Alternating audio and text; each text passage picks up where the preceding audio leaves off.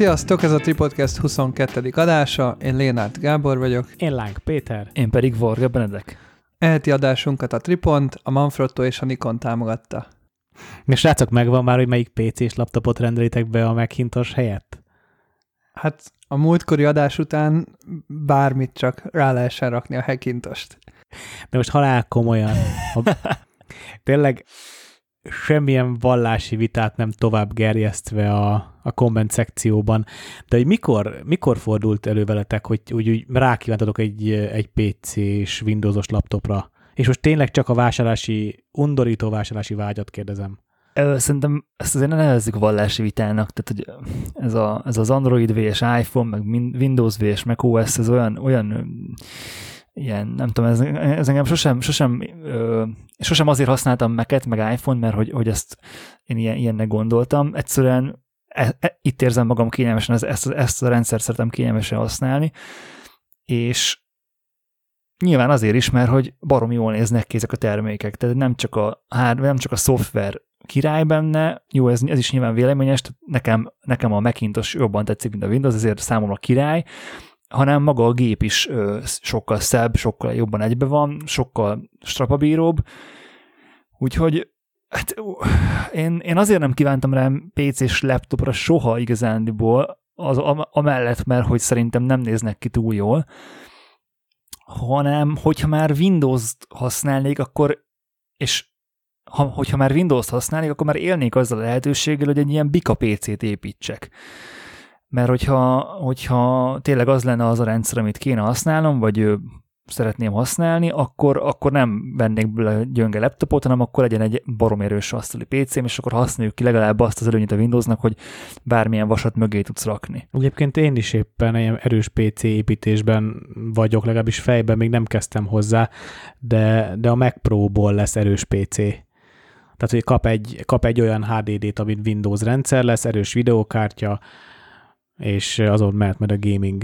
Részemről mondjuk az egyik legnagyobb indok, ami miatt Apple-nél vagyok, az ugye maga az interakció az oprendszerrel, az, hogy például a görgetés az mennyire smooth, és például, ha most csak a laptop alkatrészeket, meg az általánosan a Windowsos laptopokat nézem, egyik Windowsos laptop, laptopnak sincs olyan minőségű trackpadje, mint az Apple trackpadeknek, és egyik sem, tehát tényleg nincs, nincs olyan responsivitása, nem annyira jól reagál rá az oprendszer, és tényleg, ha görgettél már Windows-on lap, ö, egy, egy weboldalt, Chrome-on, meg ilyenek, annyira össze-vissza megy az egész, a, az apple meg pont... Nem ahogy... össze-vissza megy azért Gábor, azért ezt nem mondjuk, hogy össze-vissza megy, akadozva megy, mert nincs akadozva. benne ez, a, ez a, az inerciás görgetés, hanem meg addig megy, ameddig a, görgő halad, aztán kész. Egyébként az Apple nagyon néz megverni trackpadbe, tehát azért azt tegyük hozzá. De nem csak trackpadbe, hanem a Magic Mouse is nekem nagyon-nagyon tetszik. Tudom, hogy sokan utálják, meg pont a Twitteren most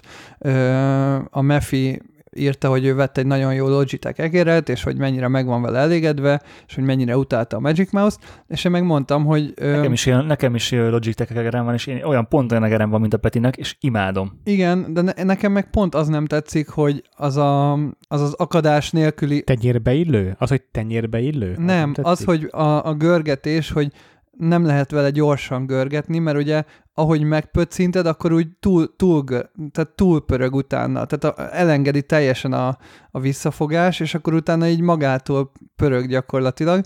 A, a Magic Mouse-nál meg, hogyha pöccintek egyet, akkor pont addig megy, amekkorát pöccintek, és tökre érzem az egészet, és nekem például a Magic Mouse sokkal jobban tetszik, mint, mint a Logitech. Például ugye a Logic Pro-ban, a, amikor vágom a, az adást, akkor ugye a, függőleges, meg a vízszintes görgetés is kell, hogy a timeline-on tudjak mozogni, és nagyon jó, hogy gyakorlatilag egy ujjal, egy mozdulattal akár így keresztbe is tudok mozogni, és az egészet gyakorlatilag tényleg nagyon gyorsan egy mozdulattal tudom a timeline-on való mozgást ö, megcsinálni, míg egy hiába van egy olyan egerem, egy Logitech, aminek dupla görgője van, meg mit tudom én, valahogy mégsem adja azt a komfortot. Egyébként ezt alá, aláírom, amikor, amikor én vágom motorásokat, akkor én rendszeresen trackpaddel vágok, pont amiatt, mert hogy a Logitech-en nincsen horizontális görgetés, és azt megőrülök tőle, hogy, hogy, hogy a scrollbart kell húzogatnom, és akkor úgy tudok jobbra-balra menni. Visszatérve még az előző, vagy a kommentre igazándiból, hogy tényleg nekem, nekem aztán az égvilágon semmi olyan nincs a Windows rendszerrel, nem ítélem el, aki azt használja. Volt időszak, amikor én is használtam, meg tudom, hogy van olyan munka, amihez csak az a jó, és viszont nekem amellett, hogy tíz éve, több mint tíz éve meket használok, amellett a munkám miatt is muszáj meket használnom, hogy iOS fejleszteni csak meg alatt lehet, úgyhogy ö, ilyen szempontból nekem nem nincs választási lehetőségem igazándiból, hogy most mit használok, vagy mit nem. A jobbra-balra görgetés az egyetlen, amit, amit kívánok a Magic Mouse-ból, amúgy minden másban szerintem a, Logitech egerek, amiket eddig használtam, igen, sokkal igen, jobbak, igen. kényelmesebbek, tenyérbe, tenyérbe illő, már hozzáteszem, hogy olyan nagyon-nagyon durván sokat egeret nem használok, mert vagy vakomozok, vagy a laptopon a trackpad, és egyébként Apple kérdésben sajnos a trackpad az egy annyira durván dealbreaker, hogy amikor havonta egyszer, vagy két havonta egyszer édesapám laptopján kell valamit bejelentkeznem, és valamit megnézni, hát én megőrülök, amikor azt kell használni, és lehet, hogy tényleg ez egy mindset, lehet, hogy megtanulható, lehet, hogy de ez, ez hogy nem kell nem kell a béna trackpaden bénán görgetni, meg pöckölgetni, hát ez már önmagában egy olyan dolog, hogy egyszer semmi kedvem, semmi kedvem visszamenni. Egyébként azért neveztem vallási vitának, mert nem lehet, mert valóban egyfajta hit vagy komfortérzet az, ami alapján döntünk, mert nem lehet objektíven eldönteni, hogy egyik jobb vagy a másik, mert, mert valakinek ez a praktikusabb, van akinek az, itt van a vállalati környezet, van akinek kell az Outlook, Nekünk olyan programokra szerencsére nincs szükségünk, ami miatt kötelező a Windows rendszerben lennünk. A, a hit meg a preferencia azért az elég eltérő dolgok, tehát hogy nyilván én is azért választottam a meket, mert számomra ez megfelelőbb de ez nem egy vallási meggyőződés, meg, meg teljesen álltam fogadni, hogy más Windows-t használ, és nem nézem le. Nyilván a Windows is egy tök élhető oprendszer, nekem nem az a megfelelő, és ennyi. Igen, a hit az az, hogy te hiszel valamibe, amit nem tudsz érvekkel alátámasztani, de csak a saját agyadban létezik, mert hogy te hiszed azt és ennyi. De hogyha el tudod... Sokszor tapasztalom ezt a Windowsos és Mac-es oldalon is. Igen, nem mondtam, hogy az ajánláség nincs meg, csak az, azért emeltem ezt ki, hogy ez nálunk, ez én esetemben biztos, hogy nem ez az ok, hogy Mac-et használok. Nekem sem.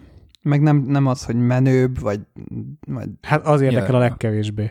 Tehát, hát az... Igen, nem, tehát csak azért, mert sok PC-s vagy androidos ember azt hiszi, hogy sokan azért használnak mondjuk iPhone-t, vagy Mac-et, mert tök ugyanaz, csak drágább és ezáltal menőbb. De nyilván, aki még nem próbálta, az szokott erről így nyilatkozni. A másik dolog ezzel kapcsolatban, hogy ugye kérdeztétek, hogy miért csak a, miért csak a, vagy miért vettük alapnak, hogy fotót szerkeszteni, meg fotós workflow-t csinálni, az csak az Apple számítógépein lehet.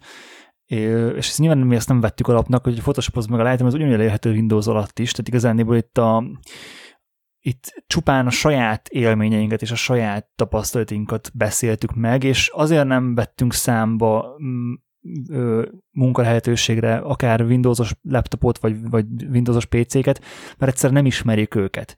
Tehát, hogy, hogy nem tudnánk hitelesen róla beszélni, mivel mind a hárman év, évek óta, vagy több, akár tíz éve Macintosh rendszeret használunk, nem követjük nyomon a, a Windowsos laptopokat, ugyanúgy, ahogy egy Windowsos felhasználó se követi nyomon a MacBooknak az új megjelenéseit, és, és olyan olyan témában, amiben nem vagyunk elmélyedve, nem akartunk véleményt alkotni, és szerintünk sokkal hasznosabb az, hogyha a saját ö, tapasztalatinkat osztjuk meg veletek, és akkor nyilván aki, aki ezt, ebbe a kapcsolódást talál, az örül, aki meg nem, az meg maximum nyom egy skip gombot, és akkor a következő témára ugrik, és nem hallgatja meg. Igen, egyébként, és erre számítottok az összes többi témában is, hogy igyekszünk tapasztalatot megosztani. Tehát olyan, olyan tapasztalat, ami, ami tényleg kéznél van, amit mi magunk is megéltünk, és ez nem azt jelenti, hogy ne fogadnánk el, hogy bármi más is létezik az univerzumban, vagy másnak más tetszik, más, más működik jobban. Egyszerűen nekünk ez is kész. Ebben nincs, nincs több. A, még egy follow-up, a NAS-sal kapcsolatban is volt kérdés, hogy ugye az előző adásban sokat dilemmáztunk azon, hogy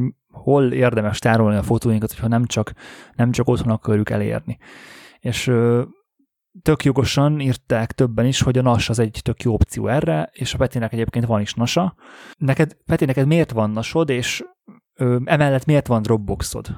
Hát ö, elsősorban azért van nasom, mert amikor bennem felmerült az igény, hogy nagyon sok fotót szeretnék biztonságban tudni, akkor jelent meg a lejátszónak egy hirdetése a Facebookon, és hirdette a Synology nasokat, és nekem nagyon megtetszett ez, hogy, hogy úgy tudok képeket kimásolni, akkor még Time Machine-nal egy külső eszközre, hogy amennyiben megsemmisül az én számítógépem egy villámkárban, vagy egy tűzkárban, vagy, vagy bármi, bármilyen, vagy, vagy maga tönkre megy a számítógép, vagy ellopják például, akkor is a nason úgy maradnak ott a cuccok, hogy abban van egy biztonsági tényező, mert a Synology-nak a fájlrendszere az úgy működik, hogy négy lemezből egy kieshet, hogyha az egy elhibásodott lemezt pótlod, akkor ő újra felépíti a teljes fájlrendszert, és elérhető az összes adat.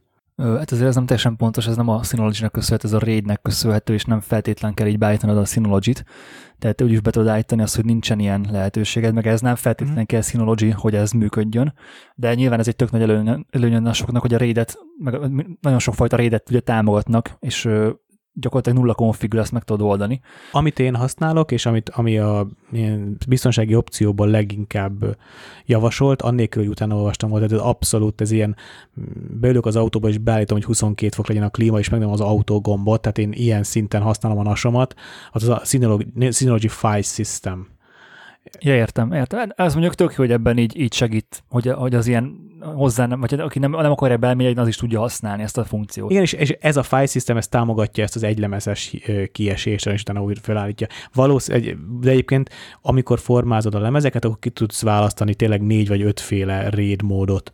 Lehet tükrözni a lemezeket. De nekem ezt tetszett a legjobban, ez viszonylag a nagy kapacitás és a biztonságnak a kombinációja valahogy. Egyébként tudom nagyon jól, hogy bizonyos esetekben előfordulhat, hogy nem tudja helyreállítani. Neki százalékosan ilyen, igen kicsi az esélye, de, de előfordulhat.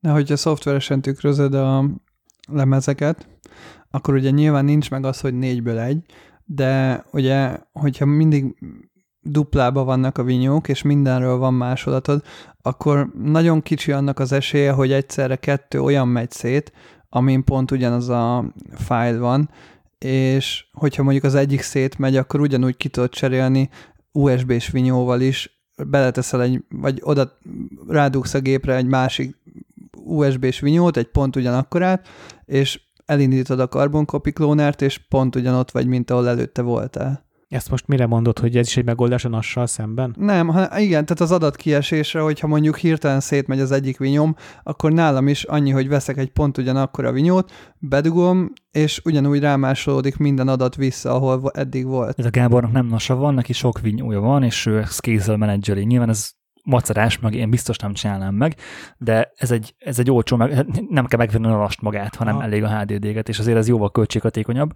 Plusz ugye a NAS-hoz tegyük azt, azt hozzá, hogy, hogy ha maga a NAS megy tönkre, az a, az, a, az a gigaszopó, mert akkor mindent buktál. Ez nem így van, fogod a lemezeket és átrakod egy másik nasba. Ö, nem teljesen, mert ott nem tudom pontosan, de én úgy tudom, hogy azt nem sima mappákba tárolja, hanem... hanem... Igen, valóban van egy file rendszer, egy, egy ilyen operációs rendszer van a, a lemezeken, de én például, például most megkeresett nem olyan régen, fél éve az egyik párom, hogy 2012-es esküvő anyaguk elveszett egy azt hiszem, tűzkárban, és megvan-e még, és hát elővettem a régi, úgy van, hogy egy ilyen vinyó tároló dobozban van a négy lemez, pont ugyanolyan sorrendben, mint hogy a nasba be kell betenni. Kikapcsoltam a nesomat, kivettem kivettem a négy lemezt, leraktam így egymás mellé őket, a régi tárolóból kivettem, visszatáraztam a lemezeket, megnyomtam a gombot, felállt a, a rendszer, mondta, hogy van újabb operációs rendszer, akkor ő szeretné frissíteni, frissítsd, és 20 perc múlva elértem a 2012-es képeket, amit, amit az előző régi nasomból vettem ki. Egy maga a NAS hardware az megváltozott közben, csak Synology volt az is, az így azt van, mondod. Így van. Jaj, akkor ez mondjuk, akkor ez király. Csak annyi nyomott, egy, egy autó frissítést nyomott, annyi manuális dolog volt benne, hogy arra megkért, hogy töltsem le a Synology-nak a szerveréről a megfelelő fájlt, és meg kellett neki mutatni, hogy hova töltöttem le, tehát nem volt teljesen automata a dolog. Persze. És emellett miért van Dropboxod? Még annyit a NAS-hoz elmondanék, hogy egyébként a NAS-nak vannak ugye szerver szolgáltatása is, amit remekül lehetne használni a Dropbox célokra. Én nem vettem sose a fáradtságot, hogy konfiguráljam, illetve, hogy más feladatot tölt be a Synology, az az ongoing projekteknek a biztonsági másolata.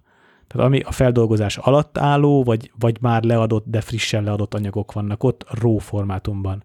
A Dropboxot pedig alapvetően arra tartottam, vagy arra hoztam létre, hogy egy bizonyos ügyfelemnek egy, egyfajta dinamikus tárhelyet kínáljak, hogy amikor leadok képeket, nagyon sokszor előfordult, leadtam egy képet, és egy hét múlva, két hét múlva, három hét múlva kellett csak nekik igazából. Tehát megkövetelte a szerződést a, a 24 órán belüli képleadást, de nagyon sokszor nem kellett nekik azonnal. És macera volt, tudjátok, V-transferen mindig elküldeni újra. Persze, persze. És akkor a Dropbox egy olyan szolgáltatás volt, akkoriban volt új, és jó ötletnek tűnt regisztrálni, és, és egyszer csak elkezdtek nőni ott a fájlok, néha raktam oda rót is, mert ilyen nagyon biztonságban akarok, akkor megvan a gépen, megvan a nasom, meg legyen a Dropboxon is, mint olyan hosszú katinka fotózás, amit nagyon nem akarsz elviszíteni, és akkor szépen lassan átköltöttem Dropboxra. De most, hogy van ez a vírushelyzet, és sok időt töltök itthon, most elkezdtem például visszaköltözni Nasra, és azt fogom csinálni, hogy a leadott képekről lesz biztonsági másolat, a rókat pedig nem fogom olyan hosszú ideig megtartani, mint eddig, mert észszerűtlennek tartom ma már. Még egy indokot mondok az USB-s vinyók mellé, hogy egy az, hogy nálam ugye a, az aktuális éppen folyó a folyamatos backupját a Time Machine megoldja. A másik, hogy ugye mindegyiknek van egy saját háza, tehát ezáltal bármikor ugye be tudod dugni ö, egyenként is a vinyót, tehát nem kell az, ha mondjuk én is visszamennék egy régi archívumba, mint ahogy Peti, akkor bedugom az aktuális Winchester-t és leveszem róla a fájt, nem kell, hogy négy vinyót bedugjak egy nasba, hanem elég azt az egyet bedugni és levenni róla azt az egy fájt, és kész. Jó, mondjuk ez nem, tő, nem, ez nem fordult elő korábban az elmúlt öt évben, hogy erre szükségem lett volna, tehát ez nem olyan nagy effort, de hát ebből is látszik, hogy valakinek ez a megoldás kényelmesebb, valakinek az. É, nekem ez így tetszik, hogy ott egy helyen be van rakvarásra, egy másik szinten, a lakásnak egy másik pontjában, tehát ha víz vagy tűzkár történik, akkor jó eséllyel az egyik vagy másik meg, eszköz megmenekül. Hát. Ö, nekem ugye nincs nasom, viszont nagyon régóta gondolkozom azon, hogy lehet, hogy kéne, vagy érdemes egyáltalán bele, befektetni egy nasba, mert ugye azért az nem olcsó cucc, tehát maga, maga a nas hardware sem olcsó, főleg, hogyha ha megfelelő sebességűt akarsz, olyat akarsz, amiben több lemez belefér, mondjuk nem csak kettő, hanem akár négy vagy hat, az ilyen könnyen akár ilyen két 300 ezer forint környékén is felmehet, pusztán maga a váz, tehát abban még egy giga, gigabájtnyi HDD sincs benne. És akkor utána arról ne is beszéljünk, hogy a 4 terás, 8 terás, vagy akár csak a 2 terás vinyók is jó drágák, és hogyha mondjuk abból beleteszel négyet, akkor könnyen ott vagy, hogy mondjuk egy ilyen alap NAS készlet, amiben mondjuk van, nem tudom, 8, 8 tera a helyed, az ilyen 2-300 ezer forint környékén van. Ö, és igazándiból nekem nincs, nincsenek, nincs ennyi fotóm. Nekem, nekem körülbelül ilyen két és, két és három terabájtnyi, terabájt között van az a, az a fotómennyiség, ami, ami az évek során összegyűlt. Ezek tényleg a leválogatott olyan képek, aminek a róját sem akarom kidobni, hanem meg akarom őrizni. Ezek vagy munkák, vagy ugye saját fotók. És mivel nincsen több tíz terabájtnyi anyagom, ezért maga a, maga a NAS-nak az az előnye, hogy ugye ez egy, ez egy jó karban tartott, ö, egybelátható, külön egységként működő tárhely, ez nekem igazából fölösleges, mert nincs olyan mennyiségű adatom, hogy ezt indokolná. És ezért én is azt csinálom, mint a Gábor, hogy vagy külső vinyót, vagy pedig külső SSD-t veszek, mert most már a külső SSD-k is nagyon olcsóak, tehát ilyen egy terás SSD az ilyen 40, 40, hát attól függ, hogy milyen sebességű, de ami, az, az enyém azt hiszem talán 50 ezer forint volt. És az egy egyterás külső SSD, USB-C-n csatlakozik, 500 megával ír olvas, ütésálló a háza, tök picike, tehát kb. akkor, mint egy bankkártya, tehát igazából baromi praktikus, és hogyha kell, tehát azon, azon azon tudom tárolni az, a, a fotóimat, meg van egy négy vinyóm, és azon is tárolom a képeket, és akkor duplán megvan végül is itthon. De ö, én nem, elég, nem elégedtem meg azzal, hogy, ö, hogy csak lokálban legyenek meg ezek a fájlok, és ezt ugyan azt sem oldja meg, hogy gyakorlatilag a, a te élet teredben tárolod a fotóidat, meg a, meg a fájaidat, és hogyha bármi történik, akár egy villám, akár egy tűz, vagy akármilyen betörés, vagy bármi, akkor bukó az egész. És ezért nem akartam sose kihagyni az egyenletből a, a, a felhőt, mert hogy az az igazi biztonság, én úgy gondolom, hogyha valami oda fel van töltve, akkor akármi történt, akár a számítógépeddel, az akár, akár az otthoni nasoddal, akármivel, az megmarad. Nyilván, hogyha az is abba pont lehal az a szerver akkor, amikor tehát maga a szolgáltatás kikapcsol, amikor a, éppen légett a házad, akkor persze az is bukó, de azért erre vagyunk belé kicsi az esély.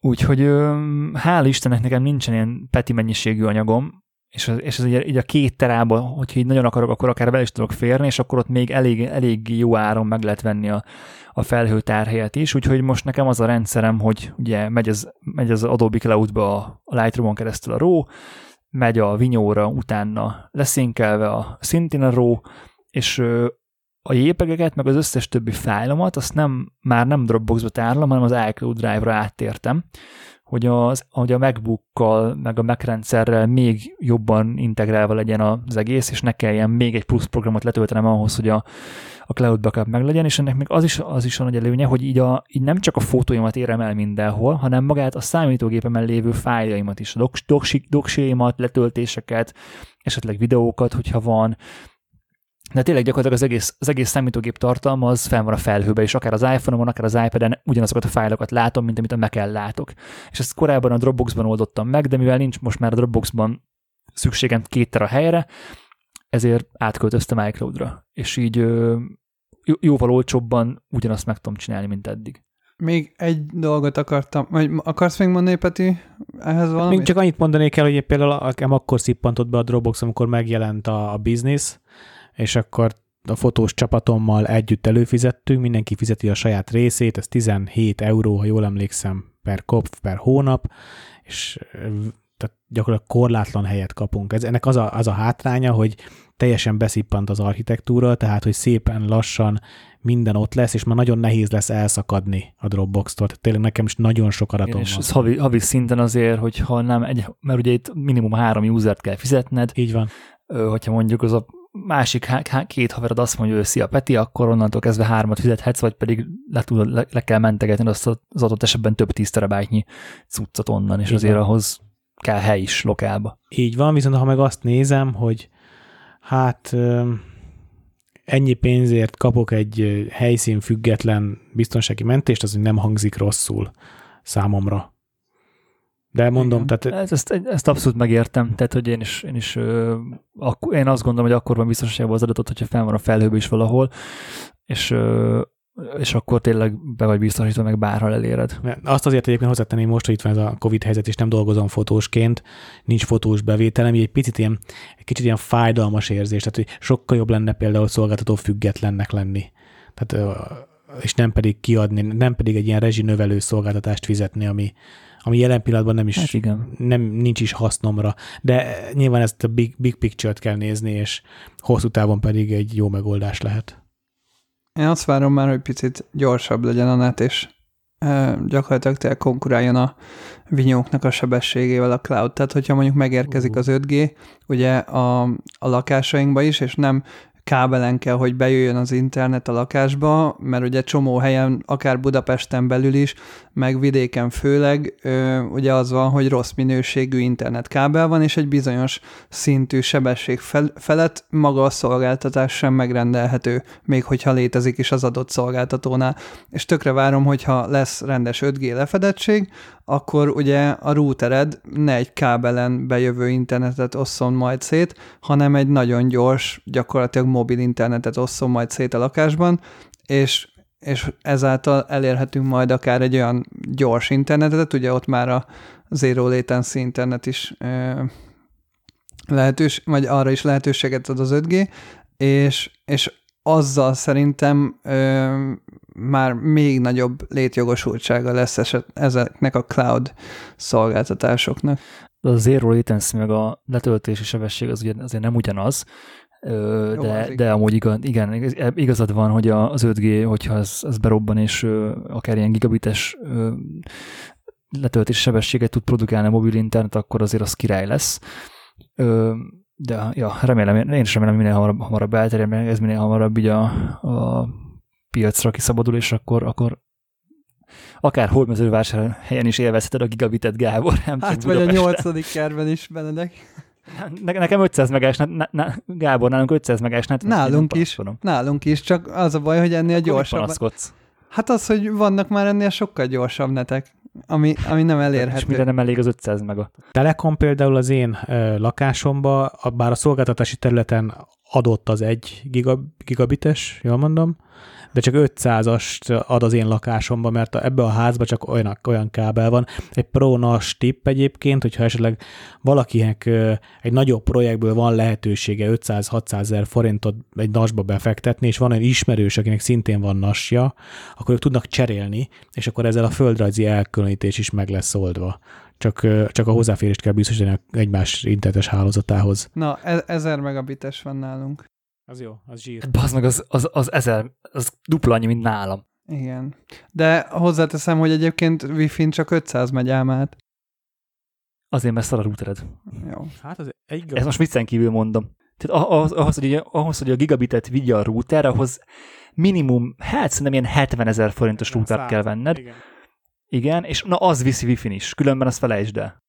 Ö, hát meg ugye van ez a, ami az iPhone 11-ben már benne van, de a Mac-ben meg nincs, ugye ez a Wi-Fi 6. Az, az is hozzátartozik, ez az új Wi-Fi szabvány, nem? Az AC-s wifi is tudja a gigabitet, tehát az már rég, az már rég megy, csak maga a router szar konkrétan, Hát a, és azért. a, ugye a gyári, amit a Telekom ad, az, az, az használ. Azt használják, Basz meg, ne csodálko- szórakozz már. Csodálkozol, hogy nincs gigabitet.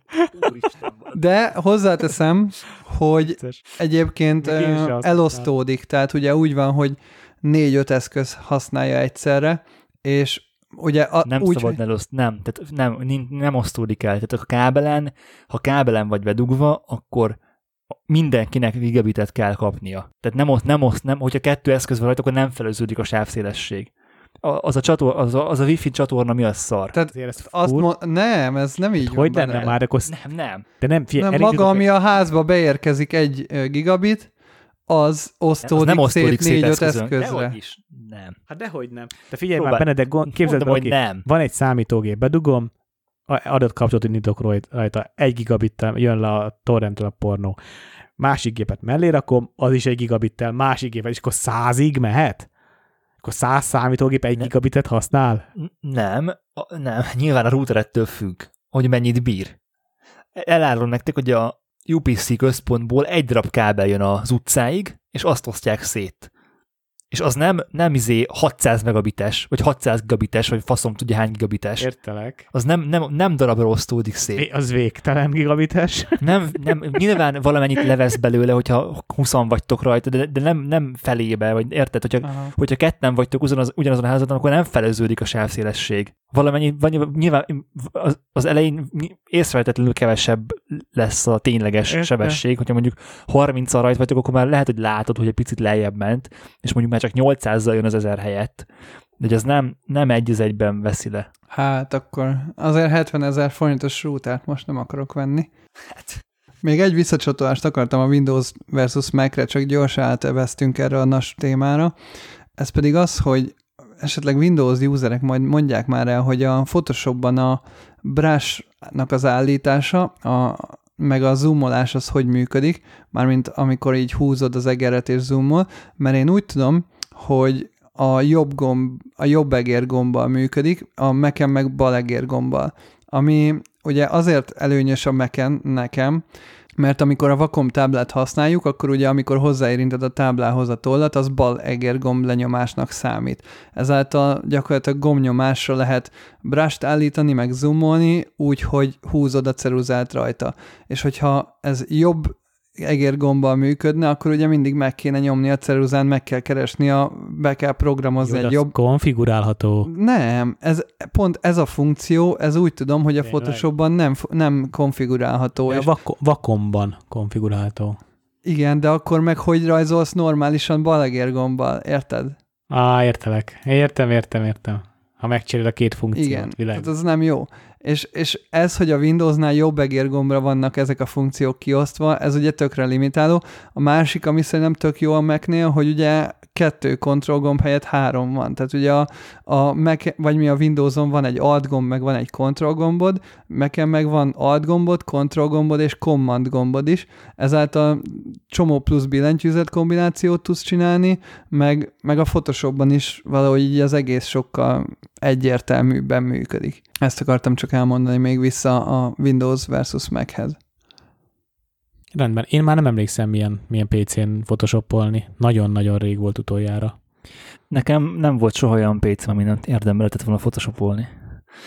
úgyhogy, úgyhogy én nem, nem tudok nyilatkozni erről. Persze, apa Windows-t használ, nem is akar meget használni. Néha az ő gépén szoktam photoshopolni, de én nagyon basic taskokra szoktam ott használni, hogy ilyen, ilyen, ilyen billentyű kombinációk nem nagyon jutottak el, mert, mert gyakorlatilag a, a, az egér eszközt kívül nem nagyon használnak más, meg a resize kívül, csak nagyon vészhelyzet esetén. Na de ugorjunk már egy kicsit a fotózásra, mert így vannak fotós témáink is. Például képzétek el, hogy nálam van egy Tamron 8518, ami azért is érdekes, hogy egy stabilizált optika, használtam már korábban. Én egy Nikon 85-1.4-et használok a saját munkáimra, és sokszor szok, szokott felmerülni, hogy hát az 1.4 a profi, az 1.4 az igazi, az 1.8 nem mos úgy, és hát most portréra használtam a... Megtapsom azt, hogy ez az egyharmad fényértéket észreveszi mosásba egyébként. Hát jó, nyilván ez, ez sok minden nem múlik, ráadásul ott van a tájtávolság, tehát milyen messze volt a fa a csaj mögött, érted? Tehát, hogy... Szerintem ez csak az agyadban létezik, ez az 1.4-es mosás, az VS 1.8-as mosás. Igen, na most én nagyon szeretem azokat a fotókat, amikor amikor valami megmozdul a képen, tehát a téma éles, de valami megmozdul. Tehát klasszik ilyen szitu, majd rakok be ilyen fotót, tavaly volt ilyen páros fotózásom, hogy a pár csókolózik a zebrán, és akkor az emberek meg hömpölyögnek körülöttük. Egyébként Japánban ilyet jobbat lehet fotózni, mint az oktogonon, ezt tapasztalatból tudom, sajnos nem azért, mert Japánban fotóztam, hanem mert tudom, hogy az oktogonon marha nehéz. Mert azért ahhoz kevés ember van. De ebben például tök klassz, hogyha egy ilyen prime lencsében van, van stabi. És nekem például nagyon tetszik a, a mosás karakterisztikája. Most egyelőre egy portréfotózásnál használtam, tegnap előtt, amikor kipróbáltam a Nonlight Pavotube 2.6C világító rudacskát,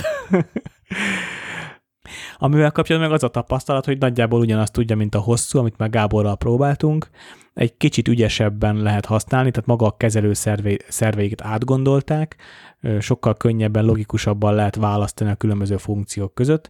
Tudni kell erről a rúdról, ez egy LED, LED világító cső, ami 180 hm, fokban világít, Gábor, jól emlékszem? Azt hiszem igen, ugye annyiból jobb a korábbi, az első generációs Pavó lámpáknál, ami, amikből még csak a nagy méret van, és ez most a második generáció, amiből jelenleg még csak a kicsi, hogy például sokkal jobban ö, van diffúzolva a fénye, nem tudom, hogy, hogy mondjuk ezt magyarul, de hogy a, a nagy lámpáknál még a fényképeken is, amikor a lámpa szerepelt a fotón, amit azért ilyen csöveknél elég sűrűn szerettünk használni, mert pont a cső formája az egy ilyen tök izgalmas fényforrást adhat, és nagyon látszottak a kis pöttyök a csíkban. Itt meg ugye sokkal... De azt akarod mondani, hogy a, LED, a, a magák a LED lámpácskák, azok kivehetőek a fényből. Így van. Tehát nem, nem annyira egységes maga a csőnek a fénye, hanem gyakorlatilag ilyen kis pontokból igen. Lát, látszik is. Nem tudja azt, hogy egy neon tud, is. hogy egy csíkot lát. Igen, igen. igen, és ennél a kettes verziónál öm, egy ilyen, hát mondhatjuk azt, hogy frostosabb talán az üveg, amit beraktak, ezáltal egybe látszódik maga a fény, nem kivehetőek a kis pöttyök. A másik meg, hogy eldobták ezt a tekerős korábbi user interface-t, hogy tekergetni kell, és akkor három értékre igazából kettő tekerőd volt, és akkor mindig álligatni kellett, az ilyen picit szívás volt, meg picit ahogy tekerted igazából mindig volt, hogy meg is akadt, vagy nem pont abba a tempóba állítottak az értékek, mint ahogy tekerted. Itt meg ugye gombokkal állítod az egészet, emiatt azt várják egyébként a, az emberek, akik ebben így nagyon benne vannak, hogy valószínű, hogy lefrissítik majd a másik két nagyot is, és az is megkapja ezt a második generációt, és akkor oda, ott is például a, a nagyoknál úgy van, hogy a felhasználás, tehát a, az ilyen használati útmutató, az rá van nyomtatva a lámpának a hátuljára, amit sokan nem szeretnek, mert ugye sokszor ugye elhelyezzük a fényképen vagy a videón a lámpát, és tök jó, hogy a fekete rész az fekete marad, és a régi verzióban végig ugye szöveg van nyomtatva a lámpa hátuljára, ami adott esetben néha látszódik a képen, ami, ami szintén nem annyira szerencsés.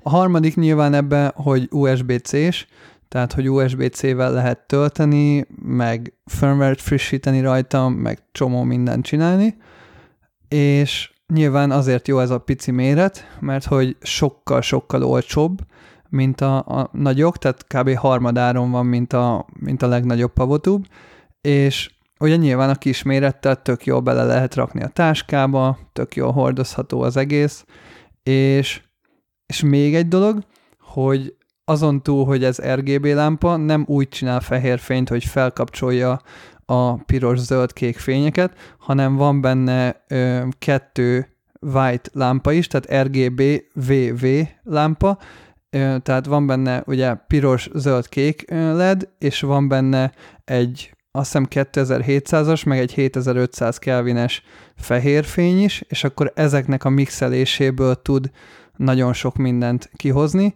és nem csak Kelvin alapján tudja állítani a fehér fényt, hanem még a tintet is tudod állítani, ami sokszor tök fontos. Hogy... De mondd el, hogy ez miért érdekes, hogy ennyi led van benne. Mert hogy a fényere, fényerővel van összefüggésben. A, a fényerővel van, meg a minőséggel. Tehát ugye korábban a két különböző a sima RGB lámpáknál mondjuk a, a, a színhőmérsékletnek az effektjét, hogy most mennyire sárgás vagy mennyire kékes, azt gyakorlatilag abból állították elő, hogy hogyan keverték az RGB ledeknek a, az arányát. Viszont így, hogy van kettő plusz fehér fényed, ezáltal sokkal tisztábban ki tudod keverni a kettőnek a fényét, ugye két darab fehér fényből, és a tintet pedig még szintén hozzá tudod állítani a, az RGB fényekből is, és az például tök fontos szerintem, hogy beállítod mondjuk a 3200 Kelvinre, vagy 6000-re, ha pont olyat akarsz, és akkor látszódik mégis a képen, hogy hát nem a nap sütött, mert hogy zöldes mégis az arcán a lánynak a, a fény, hogy, hogy konkrétan még a tintet is olyan precízen hozzá tudod az egészet állítani, mint hogyha, tehát hogy teljesen bele tudod gyakorlatilag olvasztani a környezeti fényekbe a lámpának a fényét. Amiért ez nekem tetszett, hogy ez így van megoldva, hogy nem csak egy adott VB álláson tudja a maximális fényerőt, hanem azzal, hogy a VB-t állítgatom, igazából nem veszítek a fényerőből nem, ha a maximális fényre van szükségem, akkor nem vagyok VB-ben korlátozva. A fényerejéről meg egyébként annyit kell tudni, hogy én kipróbáltam azt, hogy borús időben tudok-e vele deríteni, nagyon-nagyon közel kell ahhoz tenni az archoz. Tehát portré fotónál lehet deríteni, de ahogy már mondjuk fél alakot szeretnék fényképezni, már annyira közel van a lámpa igazából a modellhez, hogy rajta lesz maga a lámpa a képen. De akit, akit ezt nem zavar, vagy szeret photoshopolni, vagy olyan háttér, hogy könnyű leszedni, akkor egyébként lehet akár borús időben derítésre használni, használni, de igazán derítésre akkor, vagy ilyen nem is igazából derítésre alkalmas, hanem egy ilyen kicsi kis catchlight, vagy egy kicsi kis... kis vagy practical. Így van, egy kicsi kis plusz, kicsi érdekes, érdekes kis plusz fényt lehet hozzátenni. Egy erkélyen fotóztam vele tegnap előtt, és ilyen vihar környéki idő volt végül, sajnos nem kapott minket el az eső, pedig nagyon szerettem volna és ott úgy tudtuk megcsinálni, hogy amikor a teraszon kint állt a lány, akkor sajnos nem igazán látszott az arcán a fény, a, maga a lámpa fénye, viszont ahogy bejebb jöttünk, és beállt a lány a teraszon, teraszon lévő tető alá, az már egy picivel fogta a napnak ezt a diffúz fényét, és ott már határozottan és könnyedén lehetett látni a, az arcán a fényt. Ezt is látjátok, most beraktam a, a Skype beszélgetésbe a képet. Egy kérdést, egy nagyon fontos adatot kihagytál Gábor a lámpával kapcsolatban, és kicsit csalódott is vagyok, az az igazság. Ezért ez egy, ez egy, ez egy olyan, olyan adat, amit így minden lámpagíknek tudni kell. CRI. Mennyi a CRI indexe, igen? 96 pluszos, azt hiszem, 96 pluszosnak írják, és az egyetlen nagy hibája ennek a lámpának szerintem, ami egyébként a legtöbb RGB lámpának nagy hibája, hogy nincsen hozzá normális mobil applikáció. És ugye van például az Aperture MC, ami, aminek a legjobb mobil applikációja van igazából az RGB lámpák közül, de a fényereje fele annyi, mint ez, és az egy olyan kis kocka lámpa, mint, mint a Manfrotto Lumimuse. Ez ugye cső, ami picit talán lágyabb fény, meg picit nagyobb teljesítményt is tud a méretéből fakadóan, de ugye, hogyha mondjuk fotózol, és egy állványon, vagy bárhova fel van rakva a fény, és változtatni akarsz ugye a színén, vagy a fényerején, vagy bármi, akkor sajnos oda kell menni, le kell szedni, meg kell nyomogatni, és, és ráadásul nem a fotózásnak a szemszögéből látod ugye a változásokat, hanem akkor megint vissza kell menni, megnézni, hogy hogy mutat, stb. stb. Egyáltalán nincs hozzá app, vagy csak szar? Ö, olyan applikáció van hozzá, ami egy non-light wifi routerhez tud csatlakozni, tehát ha beltéren, uh. tehát beltéren ha mondjuk egy filmes ö, csapatban vagy, és van több non-light lámpád, igazából a legtöbb non-light lámpa az hozzá tud csatlakozni ehhez, és ezt a wifi routert külön kell megvásárolni, és ezt be kell dugni az áramba, és ez ö, kommunikál a lámpákkal, és kommunikál wifi-n keresztül a telefonoddal, és közvetlenül a lámpák nem tudnak telefonnal kommunikálni csak így a routeren keresztül. Viszont ugye ennek az a baromi egy előnye szerintem, és én azt gondolom, hogy azért választott ezt a online ezt a megoldást, mert ugye egyszerre többet is tudsz vezérelni. Persze. És míg mondjuk egy Bluetooth-os megoldás, vagy egy, egy lokál wifi megoldásban csak egy lámpát tudsz kezelni, így ugye egy ilyen Philips Hue okos lámpa-szerű rendszert ki tudsz alakítani, és egy, egy felületről tudod állítani az összeset, és hogyha neked erre nagyon nagy szükséged van, meg, meg ez minden fotózáson előfordul, és akár több ilyen lámpát használsz, akkor nyilván meg fogod venni ezt a routert, és akkor akár egy iPadről szépen húzogatva a kis csúszkákat egy, egy központi helyről tudod vezérni az összes ilyen lámpát, és azért az elég praktikus, valljuk be. Hát igen, csak az a baj, beltéren működik csak. Ez... Az üzleti vonal az, hogy ezzel a non-light oda köt a rendszeréhez. Tehát, hogyha egyszer megveszel egy ilyen wifi-s rendszer sok lámpával, akkor, akkor egy olyan rendszerbe találod magad, amit nehéz más eszközzel bővíteni. Egyébként amiért nagyon fájdalmas, hogy nem lehet Bluetooth-szal vezérelni, hogy arra viszont gondoltak a gyártók, hogy kis mágneses ö, fülecskéket rakjanak rá, mint a lámpa mindkét vége mágneses, és fém felületre így pak, csak föl lehet tenni. Csak hát marra ciki, vagy majd kellemetlen, hogy ha fényerőt akarsz állítani, akkor oda kell sétálni. Viszont mondtad előbb, Peti, hogy nagyon közel kellett tenni ahhoz az archoz a lámpát, hogyha, hogy kültéren érvényesüljön a fénye, akár még borús időben is. És hogyha nem, nem mondjuk éjszaka fotózol vele kint, vagy sötét, vagy nem tudom, nagyon, nagyon halvány fényben, akkor igazándiból egy ilyen lámpának szerintem beltérben van a létjogosultsága, meg az értelme igazándiból. Persze tök jó lehet használni kültérben is, nem azt mondom, de hogy szerintem a legtöbb ember, aki ilyet használ, az beltérbe használja, és akkor nem probléma, hogy nem tudod bedugni a routert. Ez így van, meg szerintem inkább esti fotózásnál lehet nagy segítség. Az esti fotózásnál amúgy is mindig probléma az autofókusz. Tehát vakuval fotózni tök jó, csak ugye nincs autofókusz. És ráadásul, hát igen. ráadásul a milceknél ez külön probléma, mert ott még az autofókusz segédfény sem működik, ami a vakukon van.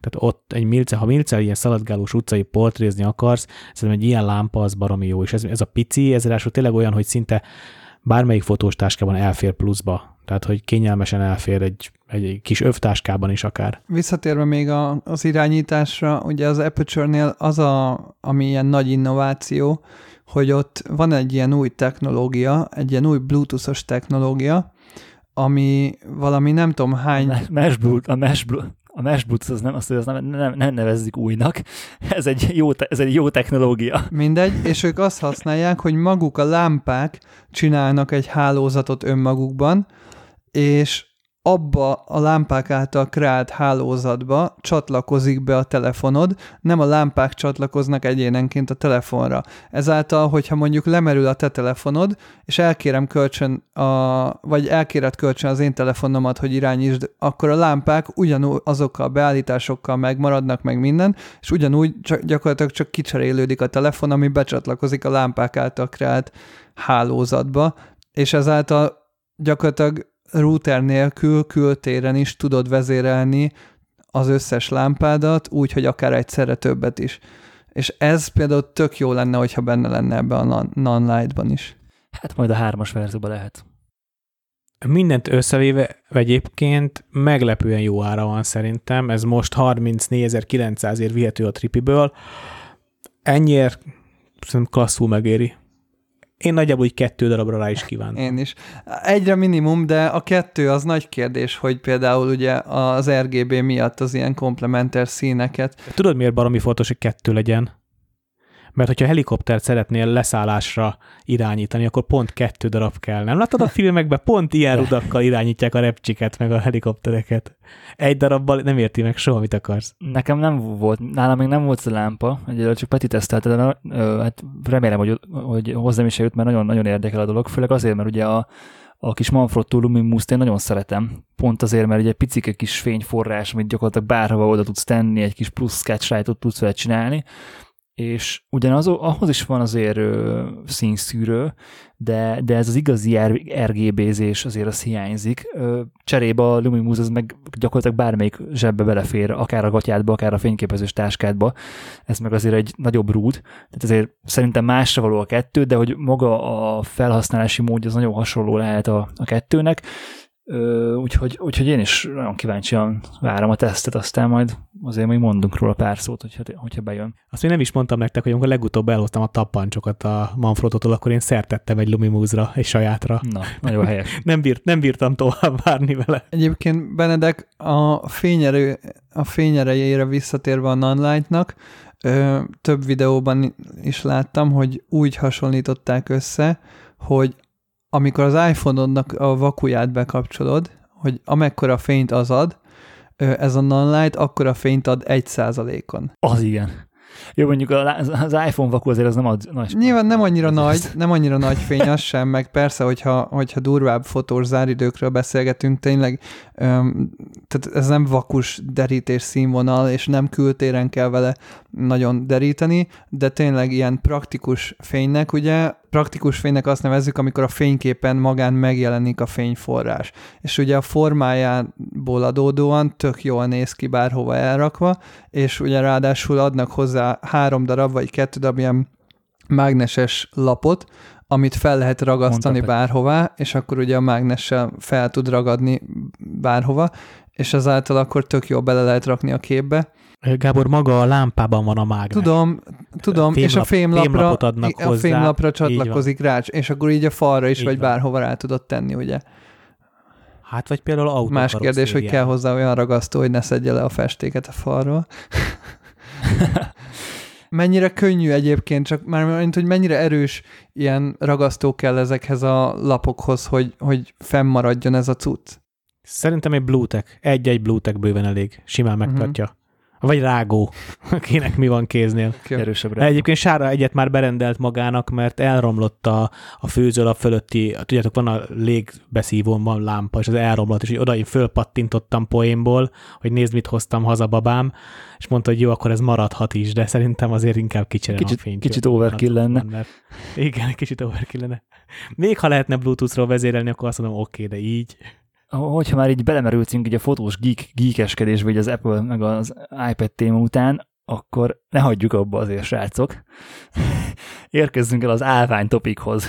Szeretném bevezetni ezt a témát, ami azért érdekes, mert amikor a podcast indult, akkor köztünk hármunk között is volt mindig egy ilyen kis elkezdtük egymást igazából, sőt, igazából Gábor vérét szívni, hogy, hogy Gábor mindig kicsit túl gondolja a termék bemutatást, Gábor, hogyha szót kap, akkor egy órán keresztül tud beszélni, és most jött ez a, az a pillanat el, amikor én borzasztóan kíváncsi vagyok arra, hogy Gábor milyen különbségeket talált a két állvány között, ami nála van, mert amióta fotózom, én nagyon-nagyon nehezen választottam mindig állványt. Tehát volt, volt több márkájú állványom is, volt, ami teljesen drága volt, és egyáltalán nem volt praktikus, és végül a 190 X Prob Manfrottónál kötöttem ki, és most már 5 vagy 6 éve ez a fő állványom, és tökéletesen boldog vagyok vele. És hát Gábor, tudom te is, hogy vaciláltál, hogy melyiket kérd el tesztre, végül kettőt kaptál, és két hete görgetjük nagyjából ezt az adást, úgyhogy én nagyon kíváncsian várom, hogy milyen különbségeket találtál a két állvány között, amik, mik is pontosan. Ugye meséltem nektek korábban, hogy elhagytam a régebbi olcsó állványomat, és akkor akkor indult el ez a dilemma, hogy akkor mi legyen a következő állványom, és milyen Manfrotto állványt válasszak, és nyilván a Manfrottónál vannak olcsóbb állványok is, de én úgy voltam vele, hogy nekem nagyon tetszik ez a koncepció, hogy ki lehet fordítani a középoszlopot, és a 190X Pro a, a Manfrotto normál állványai közül azt hiszem a, az az egyik, amelyiknek így ki lehet fordítani, és van a B-Free széria, amiből pedig a B-Free GTX Pro, amelyiknek ki lehet fordítani a középoszlopát. Tehát gyakorlatilag a B-Free szériából is a legkomolyabb állványt néztem. A 190-es állvány nem a csúcsa a Manfrottónak, ott még van fölötte 0.55-ös, van 0.57-es is, és még ugye fölötte van a Gizzo is, ami stb. stb. ebbe a, csoport, a, ebbe a cégcsoportba tartozik. Viszont a 190-es az nagyon jól párbájtható az X Pro-val. Tehát majdnem, hogy súlyba is, meg méretbe is, meg így a főbb jellemzőiben nagyon hasonló a két állvány, Ö, viszont... Úgy a B-Free-vel? Igen, bocs, a B-Free, tehát a, bocs. Tehát a 190-es, meg a B-Free X Pro nagyon hasonló állvány, ö, méretében, súlyában, főbb jellemzőben nagyon hasonló, de van mégis egy-két olyan kulcs fontosságú tényező, ami miatt valakinek az egyik felel meg jobban, valaminek a más, valakinek a másik felel meg jobban, és erre, volt, erre tök jó volt az, hogy a Gábor ezt ki tudta próbálni mindkettőt gyakorlatilag egymás mellett, és nekünk is, meg most nektek is el fogja tudni ezt mondani, hogy ha neked ilyen igényeid vannak, akkor e közül a két hasonló árkategóriájú állvány közül melyik, melyik a megfelelőbb. Na és én erre leszek nagyon kíváncsi, és a két állványban, ami nagyon, nagyon szimpatikus nekem, én szerintem mind a kettő még pont a hordozhatóságnak a határán van. Tehát 0,55-ös az már szerintem autós kategória. Az, persze a, az Advanced Nature járó emberek ez nagyon angolos volt. A rutinos természetjáró emberek biztos, hogy cipelik magukkal a 0,55-öst, hogyha éppen olyan van, hogy a hóviharban, szélviharban Szerintem ők, hát szerintem, ők, szerintem ők a, a Beefrit viszik. Nem, a Gizzót. Hát attól függ, mekkora a fényképező. Hát vagy a Gizzó. Mekkora, me, mekkora a fényképező, vagy mekkora objektívet kell rátenni. Egy 500-ast, egy Beefrit szerintem nem. Jó, az, jó, az jogos. Az, az jogos. Akkor a hópádotot, hópádotot fotózol a fiara, meg kabátoddal. Van. A Nikon, Nikon F3 titániummal. Hát az, ott a Gizzó. Melyik filmből idéztem? Walter Mitty. Walter Mitty-ből, igen. Gábor, én már nagyon várom a beszámolód, úgyhogy halljuk, miért ebből a két állványból választottál, amikor annyi állvány kapható a Manfrottótól? Mi, mi volt az a két-három szempont, ami alapján állványt választottál tesztre? Az egyik szempont az, hogy akartam egy jó, stabil állványt, tehát hogy viszonylag vastag lába kell, hogy legyen. A másik szempontom pedig a kifordítható középoszlop volt, mert szerintem ez egy olyan extra, amit nem sok állvány tud. Ez miért fontos egy állványnál, hogy számodra ez miért, miért kritérium, hogy legyen kifordítható középoszlop, amikor egy, egy állványhoz azért ez súlyban is, meg méretben is azért eléggé hozzáad?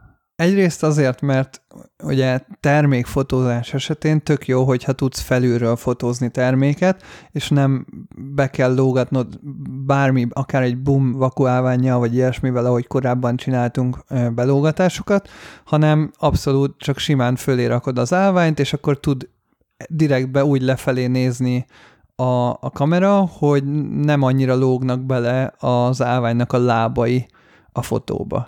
Meg hát sokkal stabilabb is ezáltal gondolom, mint egy bumelvány. Persze, persze. A másik indok, hogy miért jó a kifordítható középoszlop, az az, hogy ugye tudjátok, hogy a, az állványokat, a lábukat egy bizonyos magasságig lehet ugye kifeszíteni, vagyis hát kinyitni ugye mondjuk vízszintesig. És hogyha leteszed a földre, hogy ahogy vízszintesen áll a lábuk, akkor amelyiknek nem kifordítható a középoszlopa, annak az állványnak a legalacsonyabb ö, kameraállása az akkora, amekkora a középoszlopa. Tehát, hogyha mondjuk 30 centis középoszlopa van, és nem tudod kifordítani, akkor ugye kihúzod a középoszlopot, beállítod vízszintesbe az állvány lábait, és 30 cm a legalacsonyabb pont, ahova le tudod rakni a kamerát, viszont ezzel így ha földre vagy bárhova lerakod, mit tudom én, virágot akarsz vele fotózni, vagy makrózni, vagy ilyesmi, akkor ugye a földnek a magasságában is tudsz fotózni állványjal. Azért ne essen kétségbe az, akinek nem kifordítható középoszlopos állványa van, és szeretne talajszínből fotózni, mert ezekhez az állványokhoz egyébként lehet kapni rövid középoszlopot. Ez sajnos egy anyagi befektetés, meg macera, hogy akkor most melyik legyen benne az állványba állandóan, de akinek ilyen állványa van, nem feltétlenül kell magát az állványt lecserélnie, hanem ez a megoldás is létezik. Vagy esetleg lehet venni ilyen fotókhoz kisebb olcsóbb ilyen mini makroállványokat is, akár például az is tök jó lehet, ami Benedeknek van. És a két állvány között nagyon sok különbség van. Tehát ahogy az elsőre az ember azt gondolná, hogy a, hogy annyi a különbség ugye a kettő között, hogy a B-Free-nek teljesen kifordítható a lába, az X-Pro-nak meg nem. Ami annyit jelent ugye, hogy az utazó állványoknak teljesen visszafordítható ö, a lába igazából 180 fokban, és így önmaguk felé behajthatóak, ezáltal úgymond a láb elnyeli a fejnek a magasságát is, és akkor igazából így ki van húzva a középoszlopuk, és ezáltal tárolásnál, meg, meg cipelésnél picit rövidebbek, tehát egy mondjuk pont a fejnek a magasságával. Hát a fej magasságá, magasságát azt elvesztett tárolás esetén, ami nyilván egy hátizsákos túránál tök nagy előny lehet, viszont ugye ez megkívánja azt, hogy ez gömbfej legyen, hiszen a 3D fej ugye nem fér bele a lába közé, aminek azért vannak hátránya, erre is majd kitérünk, mert például nekem ez nem volt egyértelmű, hogy most melyik fejet, vagy melyik fej jobb, vagy melyik fej stabilabb, vagy melyik szituációra melyiket válasszam. De térjünk vissza inkább magukra az elványokra, mi az a pár legszembetűnőbb különbség, mert nem sok ilyen van egyébként, ami nagyon szembetűnő, ami azért mégis megkülönbözteti a két állványt. Az első dolog az, hogy nagyon érdekes észrevenni, hogy ha a weboldalon próbálsz állványt választani, akkor a legalja hama állvány is pont ugyanúgy néz ki a fehér hátteres fotón, mint a legdrágább gicó állvány. Tehát nagyjából nagyon-nagyon nehéz megállapítani azt, hogy élőben mennyire vastag a lába, mennyire stabil, mennyire merev az az állvány, mennyire tudja megtartani a kamerádat, és ezekhez tényleg gyakorlatilag azt, azt kell, hogy kipróbálni azokban a szituációkban, ami neked tetszik, és itt jöttem rá ugye, hogy a B-Free 100, vagy a B-Free GTX Pro hiába a B-Free szérián belül a legvastagabb lábú állvány, de a 190-esnek még így is vastagabb a lába, és maga a 190-es összességében egy picit merevebb ö, állvány is, plusz a 190-es, hát így minden szempontból egy picit ilyen profi állvány, ö, tehát olyanok, hogy ugye tényleg vastagabbak a lábai, akkor kettő lábán van gumírozás, a Beefree-nek pedig csak egy lábán, ami ugye azért fontos, mert hidegben nem a fémet akarod fogni. És tök jó, hogy ugye a gumira, ha ráfogsz, akkor nem fagy le a kezed. Hát nem is az, hogy lefogy a kezed, hanem a, a fém felület az hidegben, főleg télen, amikor ki van száradva a kezed, ugye a hidegtől, akkor csúszik. És sokkal stabilabban meg tudod fogni a gumit, mint egy, mint egy hideg fémet. De itt az előbb azt mondtad, hogy a, hogy a B-Free-nél sokkal profibb a 190-es, és én ezzel nem teljesen értek egyet. Én szerintem ez a két állvány, ez alapvetően tök másra való. Tehát ugyanaz a két állvány nagyjából, de mégis baromi, külön, baromi nagy különbség van a kettő között, és nagyon nem mindegy az, hogy milyen ember veszi meg ezt az állványt. Számodra lehet, hogy a 190-es, meg, meg én úgy gondolom, hogy számomra is a 190-es egy jóval megfelelőbb állvány, mint a B-Free, de ez csak azért van, mert én olyan szitukban akarok állványt használni, ahol a 190-es előnyét ki tudom használni. Míg egy olyan ember, aki mondjuk sokat utazik, természetjáró, és ott szeretne állványozni, ő nem fogja cipelni a 190-eset csak azért, mert stabilabb, hanem neki fontosabb az, hogy kisebb, ö, könnyebb ö, állványt tudjon vinni, mert neki számít az, hogy milyen súlyú ez az egész dolog. És ehhez még hozzá kell tennem, hogy most bár itt a kettő állványt has, hasonlítjuk össze, és lehet, hogy majd a, ugye a 190 mellett a Beefree alul marad, de maga a Beefree is egy nagyon-nagyon jó állvány, tehát hogy a, egy régebbi, vagy egy alsóbb kategóriás állványhoz képest igazából tényleg brutál jó a, a, a Beefree is. Tegyük hozzá, hogy Gábornak a vásárlási listáján én hónapokon keresztül láttam a Beefree GTX Pro-t tehát te nagyon sokáig ezt meg akartad venni, ezt az állványt magadnak, és akkor ezzel kapcsolatban jött, hogy akkor miért nem próbálsz ki más állványokat is, hogy kicsit pontosabban definiált, hogy mire is van szükséged. Pont az a lényeg, hogy csak számodra lesz jobb a 190-es. Tehát, hogy önmagában mindkettő állvány egy baromi stabil, baromi használható, nagyon pontos állvány. Tehát tényleg ilyen olyan minőségbeli ugrás egy, egy ilyen Manfrotto, egy, akár egy hamához, vagy egy, egy ilyen alsóbb 30-40 ezer fontos állványhoz képest, hogy ez így tapasztalat nélkül így nagyon nehéz elképzelni. És mind, ez mindkettőre igaz. Ö, viszont aki nem akarja kihasználni azt, hogy ez könnyű, pici, annak a, a 190-es nyújt egy olyan fajta plusz pontosságot, meg stabilságot, amit az állványos szitukban, mivel, mivel ki keveset fotózik állványjal, de akkor, akkor rákészül, akár kocsival oda tud menni, vagy akár otthon fotózik állványjal, nem az úton, akkor ott nem számít igazából se a méret, se a súly, viszont az, hogy mondjuk pontosabban tudom beállítani a fejet, pontosabban tudom beállítani a magasságát, az egész állvány jóval stabilabb, ez nyilván előny ilyen szituációkban. Amikor meg a hegytetőn fönn vagy, és akarsz egy képet a naplementéről, akkor meg tök mindegy, hogy most gyakorlatilag, hogy milyen, milyen strapabíróságos az állvány, meg milyen pontosan tud beállítani a gömbfejet az állvány tetején, mert, mert, mert nem a milliméterek fognak számítani. Egyébként egy hasonlóság még nem hangzott el, hogy az, á, az állványok között nem az áruk fog dönteni. Nagyon közel van egymáshoz. Igen, igen, igen. Igen, igen, igen. Még a kettőnek a méretéhez visszatérve, a 190-es az fej nélkül pont akkora, mint a B-Free, ugye összecsukva, és a, a 190-esből kettő verzió, vagyis hát elég sok verzió létezik, de ugye van karbon is, van alumínium is, és van olyan, amelyik három szekciós, meg van olyan, amelyik négy szekciós, és én nekem mindenképpen négy szekciós kellett, ami azt jelenti, hogy három darab csat van az alján, mert ugye ezáltal magasabbra kihúzható az állvány, viszont a szállítási hossza sokkal kisebb, és szerencsére a B-Free is egyébként négy szekciós, viszont összességében a B-Free egy picit alacsonyabb volt, mint a 190-es. Erről készítettem is képeket, majd valószínű egyébként megosztjuk a community-ben, és a 190-esen van magán az állványon is vízmérték, a B-Free nincs, tehát hogyha a fejet ugye lecseréled, vagy bármi, vagy hogyha nem olyan fejed van, amelyik vízszintes, mármint amelyiken van vízszintmérő, akkor a 190-esen magán az állványon is van egy vízszintmérő, ami egyébként azért fontos, mert hiába van a kamerád vízszintben, hogyha maga az állványod nincs vízszintben, mert akkor fel tud dőlni az egész. És hogyha egyenetlen területre rakod ki az állványt, akkor még a fejed bárhogy mozgathatod, de hogyha maga az állvány nincsen vízszintben, akkor ugye a súly miatt, vagy bárhogy nagyon könnyen feldőlhet, és ez tök nagy segítség, hogy már magán, magán az állványon van külön egy vízszint, ami, ami csak azt mutatja, hogy maga az állvány fej nélkül vízszintben van-e, vagy nem. Ehhez kapcsolódóan egyébként nem értem, hogy a, az állványgyártóknál miért nincsenek beszámozva a lábak, tehát hogy miért nem lehet azt csinálni, hogy ha kihúzok egy lábat, akkor mind a három lábat pont ugyanannyira ö, hosszan tudjam kihúzni, és akkor tök könnyen akár egy megadott értékre beállítva be tudnám állítani, hogy vízszintes legyen. Ez szerintem nagyon nagy segítség lenne. Ez egy örök, ez egy örök állványhasználati dilemma, hogyha egy állványt beszeretnék állítani sík felületen vízszintesre, akkor ki kell húznom maxra a hosszát, és akkor utána szépen lassan tudom visszaengedni, hogy és ilyen kis pöcsölősen. Hát vagy összecsukva nyitott ki.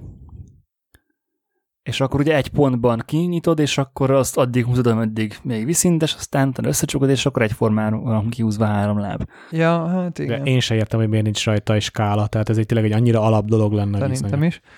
És a másik dolog, ami még ö, érdekes, hogy a 190X Pro-ból van egy olyan verzió, aminek az a neve, hogy 190X Pro Go, amit még nem próbáltunk, de látszólag annyi a különbség a kettő között, hogy az én 190X pro amit én próbáltam, csatos az állvány lába, lábának a rögzítése, a B-Free-nél pedig csavarós, tehát mint egy üdítős kupakot úgy kell csavarni gyakorlatilag, és a B-Free, vagy mi a 190 X Pro Go állványon is csavarós, tehát hogyha valaki 190-es állványt akar venni, és ö, akár a csatolósat, akár a ö, csavarósat is tudja választani, ez preferencia kérdése. Nekem a Beefree-nek a csavarós rögzítése azért nem jött be, mert nagyon-nagyon erősen rá kell igazából csavarni, hogy az rögzítve legyen, és amikor már szorul, és azt hinnéd, hogy tök jó, elengeded, minden tök király meg vagy, és utána fotózás közben ö, derül ki, amikor ráraksz egy bizonyos súlyt vagy bármit, hogy mégsem húztad meg eléggé. Nem egyértelmű az, hogy most ez ö, meg van húzva, vagy nincs. Cserébe viszont ugye ez bármeddig húzhatod, tehát hogyha ki, az idők során, hogy ez a csat kikopik esetleg, vagy már nem annyira szorít, mint, annak, mint amikor kijött a gyárból, ugye akkor ott igazándiból ennyi volt. Ö, a csavarást, az pedig mindig ugye még tudsz ráhúzni egy fél fordulatot, hogyha ki is kopik, valamint ugye itt is ugye a a hely vs súly, tehát hogy azért a csavará, csavarós megoldás azért az jóval keskenyebb, mint egy csat, és jobban elfér a hátizsák oldalán például. Benedek, láttál már olyan, ö, ismered azt, amikor az állványnak az egyik lábán van egy ilyen kis műanyag, ilyen pöcök, amit így csúszik le föl, le lehet szedni, egy ilyen kis műanyag, ilyen kis eszköz, amit így sokan nem tudják, hogy mire való. Na, az arra való a 190-sen, hogy azt leveszed, beledugod a csatnak a csavar részébe, és meg tudod vele szorítani a csatot, hogyha már kilazult. Pontosan Hoppá. ezt akartam mondani, hogy imbusszal utána lehet húzni. Jó, hát akkor nincs probléma. És nekem a csatos rendszer sokkal jobban tetszik, tehát hogy ott ugye egyértelmű a bekattanás. Egyébként hozzáteszem, ez egy ilyen megint fejlesztési lehetőség, hogyha a becsavarósnál a legvégén, vagy így a végéhez közel, amikor meg van szorítva, csak lenne egy kattanás. Tehát hogyha nem, te, tehát hogyha kattanna egyet a végén, akkor már tudnád, és akkor ugye már a becsavarós is tök jó lehet. Meg hozzáteszem, hogy valamilyen oknál fogva az összes gicó állvány is csavarós, tehát azért csak nem annyira rossz ez a csavarós mechanika, de nekem valahogy jobban tetszik a csatos, és egyébként táskában több helyet is foglal a csatos, tehát nem véletlen a legtöbb traveler állvány az, mint csavarós. Igen, igen. Viszont nekem ennek a csatnak annyira nagyon jó a kattintása, tehát olyan kielégítő maga ez a bekattintás, mint amikor a leikát kattintottuk a tárcsáját, vagy bármit, szóval nekem ez a hangja, meg, meg az egésznek a mechanikája annyira király, hogy, hogy én egyértelműen most így a, a csatra szavaznék. Egyébként én is csattintás párti vagyok, bár nem ismerek olyan fotóst, aki az élete során még egyszer se csípte volna oda az ujját egy ilyen, egy ilyen Manfrotto, Manfrotto állványjal, de ezt hamar megtanuljuk, hogy kell használni. Így van, és akkor menjünk tovább a fejre. Ugye én jelenleg most egy gömbfejjel próbáltam ki a 190-eset, mert a Beefree az is gömbfej volt, és ez is megint durva, hogy én azt hittem, hogy majd a gömbfej nekem milyen jó lesz, és itt jöttem rá, hogy a gömbfej az nem annyira alkalmas nagyon precízkedésre, amire én meg szeretem ugye az állványt használni. És majd lehet, hogy tehát majd egy következő körbe, egy későbbi podcastben biztos, hogy össze akarom hasonlítani, meg ki akarom próbálni még ezt a 3D fejet is a, a gömbfej ellen, meg valószínű még a 190-esnek a karbon verzióját is kipróbáljuk, és ami tapasztalatom volt a fejjel, az az, hogy a Beefree-nek a, a fejéhez egy ilyen egyedi, mind a kettőhöz egyedi um, gyors cseretalp tartozik, és a 190-eshez az a gyors cseretalp tartozik, ami az összes um, komolyabb Manfrottóhoz tartozik, a Beefree-nél pedig egy ilyen kisebb utazós verzió, aminek néhány hátránya van a klasszik, igazi, sok, sokak által szeretett Manfrotto gyors cseretalphoz képest. Az egyik hátránya az, hogy a teteje nincsen gumírozva, ezáltal a fém közvetlenül éri ugye a fényképezőgépedet, és ö, akár könnyebben el is tud rajta fordulni a fényképezőgép, ha nincsen ö, eléggé megszorítva. Különösen egy olyan kamerán, aminek nincs gumírozva az alja, nevesen az összes Fuji kamera azt hiszem ilyen, hogy közvetlenül egy fém lap az alja, és a fém a fémmel érintkezik, az annyira nem szerencsés az álmos könyv szerint. És hogyha még megnézitek a képeket, amiket küldtem, látjátok, hogy a tetején a gyors cseretalpnak, ott középen, ahol benne van a csavar, a klasszik Manfrottónál, tehát a gumírozottnál van a csavar alatt egy ilyen pici kis megakadályozó valami anya, vagy nem anya, nem tudom, egy ilyen kis fém plate, ami megakadályozza azt, hogy amikor kifelé csavarod a csavart, akkor ö, nem tud kicsavarodni, tehát csak a kamerából csavarodik ki, de nem csavarodik ki magából a talpból. Na most a Beefree-nél csomószor észrevettem azt, hogy elkezdtem csavarozni kifelé a gyors cseretalpat, és úgymond majd, hogy nem rá volt ragadva a gyors cseretalp a kamerára, és maga a csavar meg így kicsavarodott a, a talpból. Egyébként ez nekem a, a nagyobbik állványnak a cseretalpával is előfordult már. Nekem ugye 190-esen van, és ez a régi fajta klasszikus cseretalp is hajlamos ráragadni a kamerára, és akkor hajlamos vagy kicsavarni a, a csavart magából a cseretalpból. Egy kicsit meg kell mozgatni a, magát a talpat a kamera alatt. Úgyhogy ez nem különbség. Viszont amit én nem szerettem a nálam lévő Bifree talpban, hogy a talp anyaga, az alumínium, ez egy festett alumínium. És a, a, a szorító rész, ami az állványon van, a gömbfejen van, az a festékbe kicsit belekarmol azáltal, hogy rászorítod. Most ahogy a festékbe belekarmol, egy kicsit rá is tapad, és így nagyon ilyen, nem lesz smooth, a, a, se a rögzítés nem lesz egy idő után ilyen nagyon kénye, nagyon jó érzés, tehát ne, nincs meg az a mechanikai finomsága, mint a 190-esnek a cseretalpának, illetve kioldásnál is tapasztaltam azt, hogy hogy volt olyan, hogy egész egyszerűen neki kellett két ujjal feküdni, a hüvelyk ujjamat már kékre szorítottam, hogy ki tudjam oldani, közben tök para, mert ugye szorítod ezerrel, és mikor van az a, amikor valamit nagyon erős, nagyon erős, erőlködni kell, akkor nagyon előfordult, hogy váratlanul fog kioldani, és nagyon féltem, hogy lejtem a kamerát. Szóval az egy ilyen, az X Pro-nak a, a cseretalpa, ne, nekem, nem, bocs, a Beefnek a cseretalpa nekem annyira nem tetszett, nem jött be hozzá kell tennem, hogy a, a 190-es cseretalapja pedig anyagában színezett lap, és ott nincs festékkopás. Ezt most, hogy mondod, én is észrevettem, hogy ott beragad. Tehát konkrétan a Beefree-nél ez csak most tudatosult bennem, nem értettem, hogy miért, de tényleg beragad a,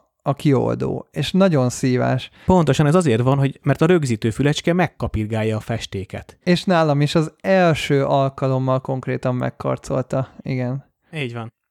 Még szerencs egyébként, hogy mindkét állványon cserélhető a fej. Azért igazándiból a Be-Free állványra is tudsz bármilyen fejet rakni, akár egy kisebbet is, hogyha ez még a mostani gömbfej az nagy, vagy akár egy 3D fejet is tudsz rátenni. Nyilván akkor lehet, hogy bukod a visszafele becsukást, de gyakorlatilag olyan fejet raksz rá, ami neked tetszik. Hát igen, meg maga a gyors cseretalpak is cserélhetők, bár ugye nyilván az egyedi Manfrotto gyors cseretalpban nem hiszem, hogy itt erre van fejlesztési lehetőség a Be-Free-nél, hogy mondjuk gumírozottat rárakni, vagy bármi. Viszont Viszont a gyors cseretapoknál tök előny, ami, ami nyilván profi bálványoknál eléggé egyértelmű, de ugye én egy amatőr szarálványról jövök, hogy nem kell elővenni a zsebedből a 10 forintost, hanem mindegyiknek az alján rendesen van egy ilyen kihajtható cucc, amivel ugye be tudod hajtani. Ezzel kapcsolatban nekem van egy érdekes élményem, ezzel a kihajtható cuccal.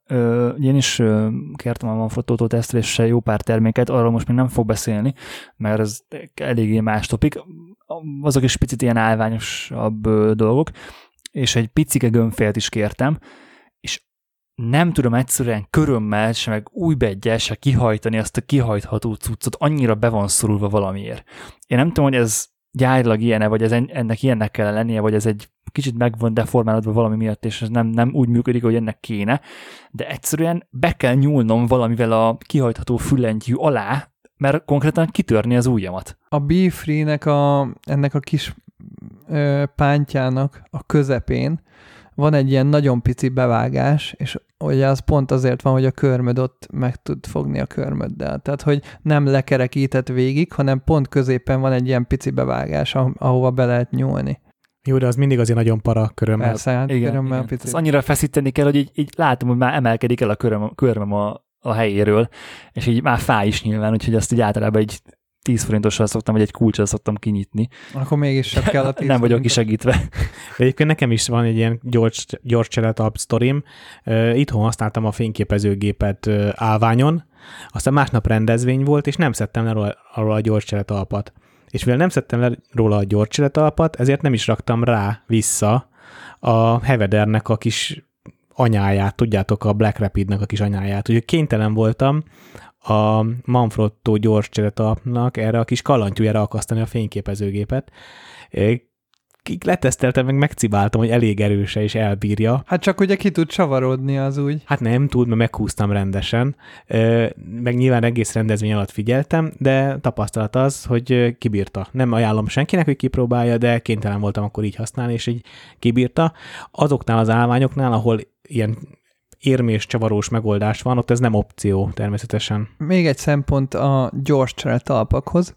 Nagyon sokan utálják ezt a Manfrotto féle gyors talpat, és a B-Free-hez már most kapható egy olyan tető, a, ami így le, lecsavarod a leges legtetejét a fejnek, és ki tudod cserélni Arca Swiss-esre, és a 190 X Pro-nak a X Pro gömb fejéhez pedig van külön, lehet kapni a klasszik Manfrotto verziós fejet is, meg lehet kapni Arca Swiss gyors cseretalpas fejet is. És Benedek múltkor kérdezted, hogy mire jó ez az Arca Swiss, vagy mi ez egyáltalán. Ez az Arca Swiss, ez az, hogy egy sínbe berakod a gyors cseretalpat, és oldalról megszorítod, és ezáltal benne marad. Ami azért jó, hogy sínbe rakod. Tehát nem bepattintós, hanem tudsz még utána játszani a... Igen, és kettő, hogy maga a fejnek, vagy a talpnak van egy ilyen játéka, tehát tudod előre-hátra húzni, Plusz ugye ez az Arca Swiss, ez bármekkora lehet maga ez a sín, emiatt ugye sokszor videósoknál ezt sűrűn szokták használni, amikor nagyobb, hosszabb kamerát kell egy nagyobb ö, alátéttel, nagyobb aláillesztéssel használni, és akkor ugye a, oda be tudják rakni a nagyobb kamerát úgy, hogy ne dőljön fel az egész állvány. Ö, ismertem ezt egyébként, nem tudtam, hogy ez a neve. Ö, gyakorlatilag nem találkoztam még olyan videós állványal, ami ne, ami ne ez lett volna. Ez a csúsztathatós verzió, csak nem tudtam, hogy ezt Arca Swiss-nek hívják, de most már akkor tudom. És fotós szempontból nekünk nem annyira fontos, de épületfotósok imádják használni, meg panorámafotósok, mert ugye ez azt tudja, hogy normál esetben, amikor a gyári Manfrotot használod, mondjuk használsz egy gömbfejet, akkor ugye a gömbfejet, hogyha portré állásba el akarod fordítani, és mondjuk beálltál egy ablakhoz, ahol középen van a kamera, és ugye nagyon pontosan ki van mérve, hogy középen vagy, vagy egy szobában, vagy bárhol, és hogyha gyorsan portréállásba át akarsz állni ö, fekvőállásból, akkor ugye kidöntöd oldalra a kamerát, amivel konkrétan kidöntöd a középpontjából a kamerát teljesen, és ezáltal akkor pont azzal a nem tudom 4-5 centivel arrébb is kell húznod az állványt, és mindent be kell állítanod újra, és az Arca Swiss erre nyújt egy olyan megoldást, hogy ha veszel egy L-plate-et a fényképezőgépedre, akkor ugye az L-plate-nek az alja meg az oldala is mind a kettő Arca Swiss-es, és akkor ugye egy mozdulattal ugyanabban az állásban tudod portrés fekvő állásba használni a kamerát, és ugyanúgy középen marad egy állásban. De jó, én mindig is néztem az L-plate-eknek a, azt a bevágását, de nem tudtam, hogy erre való. Hát nem nagyon fotózom a épületet, ebből is látszik. Na, tehát, hogy ez annak előnyös, aki ilyeneket használ. Szerintem nekünk tök jó lesz a, a gyári manfrottós gumírozott, mert öm, ha nagyon kell, akkor... Tehát nekem jelen pillanatban én úgy érzem, hogy elég ez a fej. Hát fontos egyébként, hogy a Manfrotto gyári e, gyorscset alapjában van egy biztonsági opció, tehát azt nem tudod, nehezebben ejted le a kamerát az állványról, mert a ki, kioldás után még egy ilyen kis biztonsági pökköt el kell forgatni, ez az Arca Swiss-nél nincs meg, tehát enne, ezért nekem például mindig is szimpatikusabb volt a Manfrotto megoldása, de most már, hogy tudom, mi az Arca Swiss előnye, így azért érdekesebb az Igen. is. A másik dolog még a 190X Pro profizmusához, ha már még a fejeknél tartunk, hogy a 190X Pro-nak az állványnak a tetejében, tehát ugye még mielőtt a fejhez érkezel, van egy ilyen, ha az állvány alá nézel, akkor van egy csavar. És ha azt a csavart meghúzod, akkor az állványból felül kiemelkedik egy ilyen kis pöcök, és ez arra való, hogy gyakorlatilag csavarhúzóval meg tudod húzni rajta úgy a fejet, hogy az nem mozduljon el. Míg a B-Free-ről gyakorlatilag kézzel bármikor le tudod tekerni a, a fejet. Viszont ugye a 190X Pro-nál, ha csavarhúzóval meghúzod, akkor ugye onnantól kezdve kézzel az nem eltávolítható. Ez egyébként egy fontos biztonsági feature. Az első Manfrotto állványomnál vettem észre, hogy van egy ilyen, amikor le akartam venni egész konkrétan a, az állványról a fejet, mert ki akartam cserélni a 3D film gömbfejre, és nem akart lejönni. És akkor nézegettem, nézegettem, és az alján megtaláltam ezt a csavart, amiről most beszélsz, és rájöttem, hogy ennek az a funkciója, hogy ugye egy menettel rögzül a, az állványra a cseretalp. Na most akkor előfordul az a helyzet, hogyha egy viszonylag nehezebb ö, gépet és optikát ö, raksz az állványra, ráadásul kifolytott portréba, akkor ha az optika ornehéz, már pedig miért ne lehetne ornehéz, akkor szépen lassan, ha éppen nincs meghúzva, akkor leforgatja magát a menetről. És ezért nagyon fontos, hogyha nagyobb teléket használtok, és nagy Isten valamiért oldalra kéne forgatni, bár a nagy teléken van ugye állvány plate, tehát ott nagy valószínűség ezt nem kell megtenni, csak a régi teléknél fordult ez elő, de mégis egy ez jó biztonsági funkció, hogy véletlenül sem foroghat le a gömbfej, vagy a 3D fej az állványról, hogy alulról meg tudod húzni, és ez csak a 190 fölötti Manfrotto állványok tudják. Jó, hogy mondod most ezt, hogy a nagy teléknél van állványplét, például az újabb teléknél, mint mondjuk a Tamron 7228-nál, az az állványtalp az alapból árkasz visszes, tehát hogy konkrétan egy az egybe be tudod rakni a, az objektívet a fejre.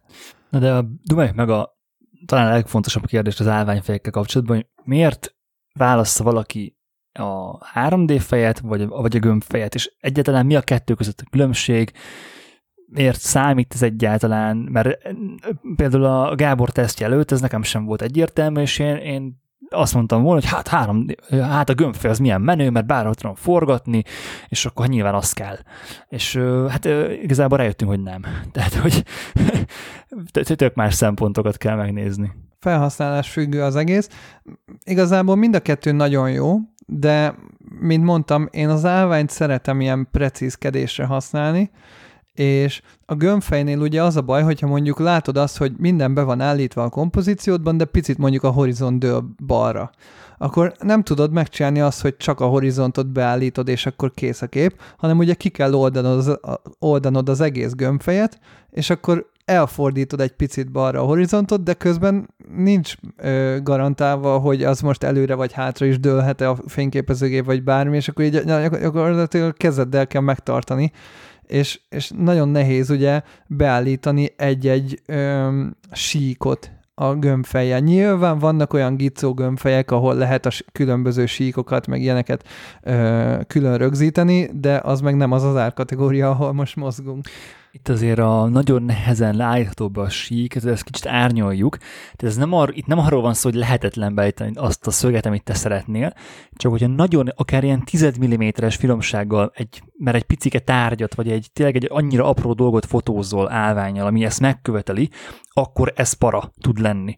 És itt itt van igazándiból a két elven között, hogy a legnagyobb különbség, hogy, maga a fej az tök más, vagy nyilván ugye a 190-es is tudsz kérni göm, gömbfejet, de hogy, hogy a, hogyha már 190-eset vesz valaki, akkor én inkább a 3D fejet javaslom.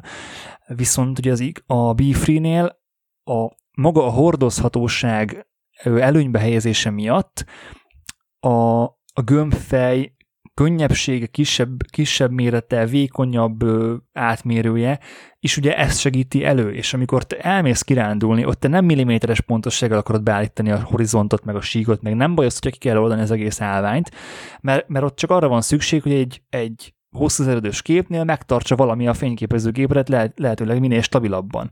És arra tökéletes a gömbfej.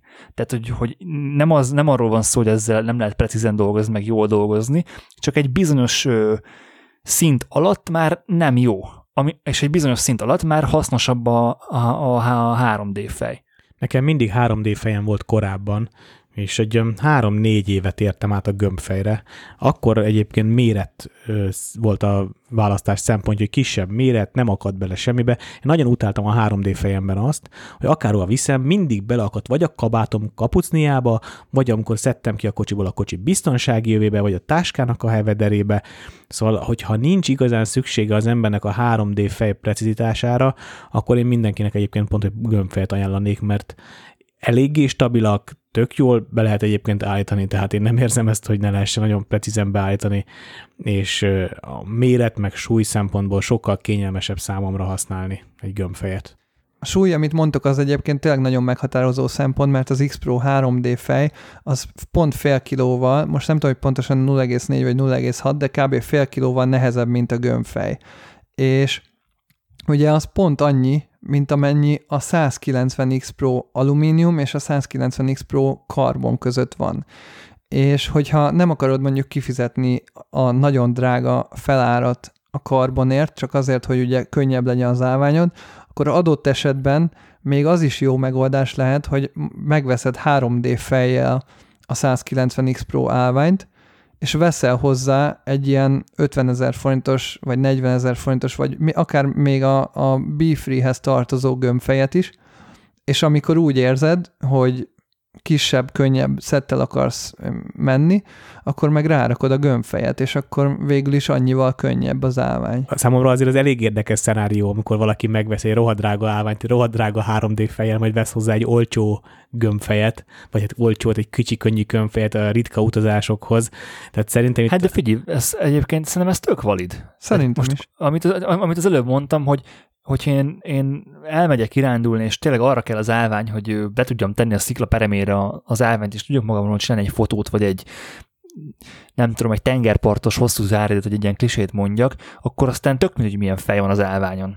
Tehát oda nem kell a... Simán elvinni egy 190-est egy kicsi gömbfejjel, akkor már nem vinnél hozzá egy kicsi állványt kicsi gömbfejjel. Hát, hogyha nincs, hát nem veszed meg a kicsi, igen, a kicsi állvány az érted, drága. Tehát teljesen, tehát teljesen fölösleges, hogy még egy, egy, egy másfél méterek kihúzható állványt csak azért fenntartani, hogy, hogy tudjak vele kirándulni. Hogyha van egy jó strapabíró, jól beállítható állványzatom, és arra tudok tenni egy bármilyen fejet, akkor gyakorlatilag ugyanott, ugyanott tartok. Hogyha meg nagyon picit, nagyon-nagyon könnyűt akarok, akkor meg nem, nem ilyen állványt vinnék, hanem vinnék vagy egy jobit, vagy egy pici háromlábat, ami csak így egy 20 centis kinyitható, mondjuk, mondjuk egy ilyen pixi-szerűt, csak ugye nyilván ebből a fémet, és, és akkor gyakorlatilag ugyanott tartunk hogy valamire rögzítem a gépet, aztán lesz valami. És, és szerintem a, szerintem a gyönge gömb, vagy, a, vagy ez, a, ez a kisebb gömbfej, most az én gömbfejem, amit ami most nálam van, az a, az X Pro alatt van gömb kategóriában, tehát ez egy még kisebb, még kisebb teherbírású, az is azért elbír azt hiszem talán három kilót, de hogy ez is olyan baromi stabil, meg jól be lehet állítani, hogy igazából ennél többre egy Fuji alá nincs szükséged utazás során. És amikor tényleg precízkedni kell, akkor meg előveszed a, a 3D fél, és akkor a három karral szépen állítod, ami kell. Hát én a 22 ezer forintos 494-es gömbfejjel rögzítettem a 780-at a 20 millis optikával a kocsi elejére. Ezt, ezt mondom. Wow. Hát az mondjuk azért igen. És annál nagyobb, tehát azt hiszem 496-os van a, a B-Free X Pro-n, tehát, hogy pár ezer forinttal drágábban még megveheted a, az egyen nagyobb B-Free gömbfejet is, ami még nem az X Pro gömbfej, de mégis nagyobb ugye benne a gömb, tehát, hogy szerintem az egy tök jó vétel lehet akár így a 3D fej mellé is, és akkor megvan az opciód. Világos, csak én nagyon nehezen képzelem el azt, amikor valakinek a munk, ugye az veszi meg a 3D fejet, akinek ez a munkája, hogy nagyon precízen állványkodjon, hogy utána elviszi magával a, a bazi nagy állványát kirándulni, mert szerintem aki állványjal dolgozik, az rohadtul nem akar állványt cipelni magával kirándulás közben. Az visz magával állványt kirándulni, aki konkrétan ilyen természetfotós őrült. A Gábor úgy kezdte az egész szekciót, hogy a, a Bifree és a 190-es állvány gyakorlatilag majdnem, hogy súlyban is, de méretben is ugyanakkor erre összehajtható, abban az esetben, hogyha a B-free ugye gömbfej van, és kifordítva hajtott ki, akkor ugye kisebb nyilván a B-free. Tehát itt a 190-es önmagában fej nélkül, meg a, a B-free önmagában fej nélkül majdnem ugyanakkora. És itt gyakorlatilag, hogyha egy picike gömbfejet raksz a 190-esre, akkor majdnem, hogy eléred azt a mozgathatóságát, könnyűségét, hordozhatóságát, ami a B-Free-ben alapban megvan egy jobb gömbfejjel. Igen, erre egyébként már emlékszem, mert volt egy off-record vitán Gáborral még, amikor hozzákerültek az állványok, hogy szerinted tök mindegy igazából az a kis méret hossza, mivel a 190-es hosszabb, egy gömbfejnyivel hosszabb csupán a, a Beefree-nél. Én meg azt mondom, hogy ha túrázni mész, akkor az a gömbfejnyi hosszúság az pont, hogy nagyon sokat fog számítani. Hogy ezért, ezért azért érdemes megnézni a specifikációkat, amikor állványt választasz, és érdemes tudni azt, hogy mire veszed azt az állványt.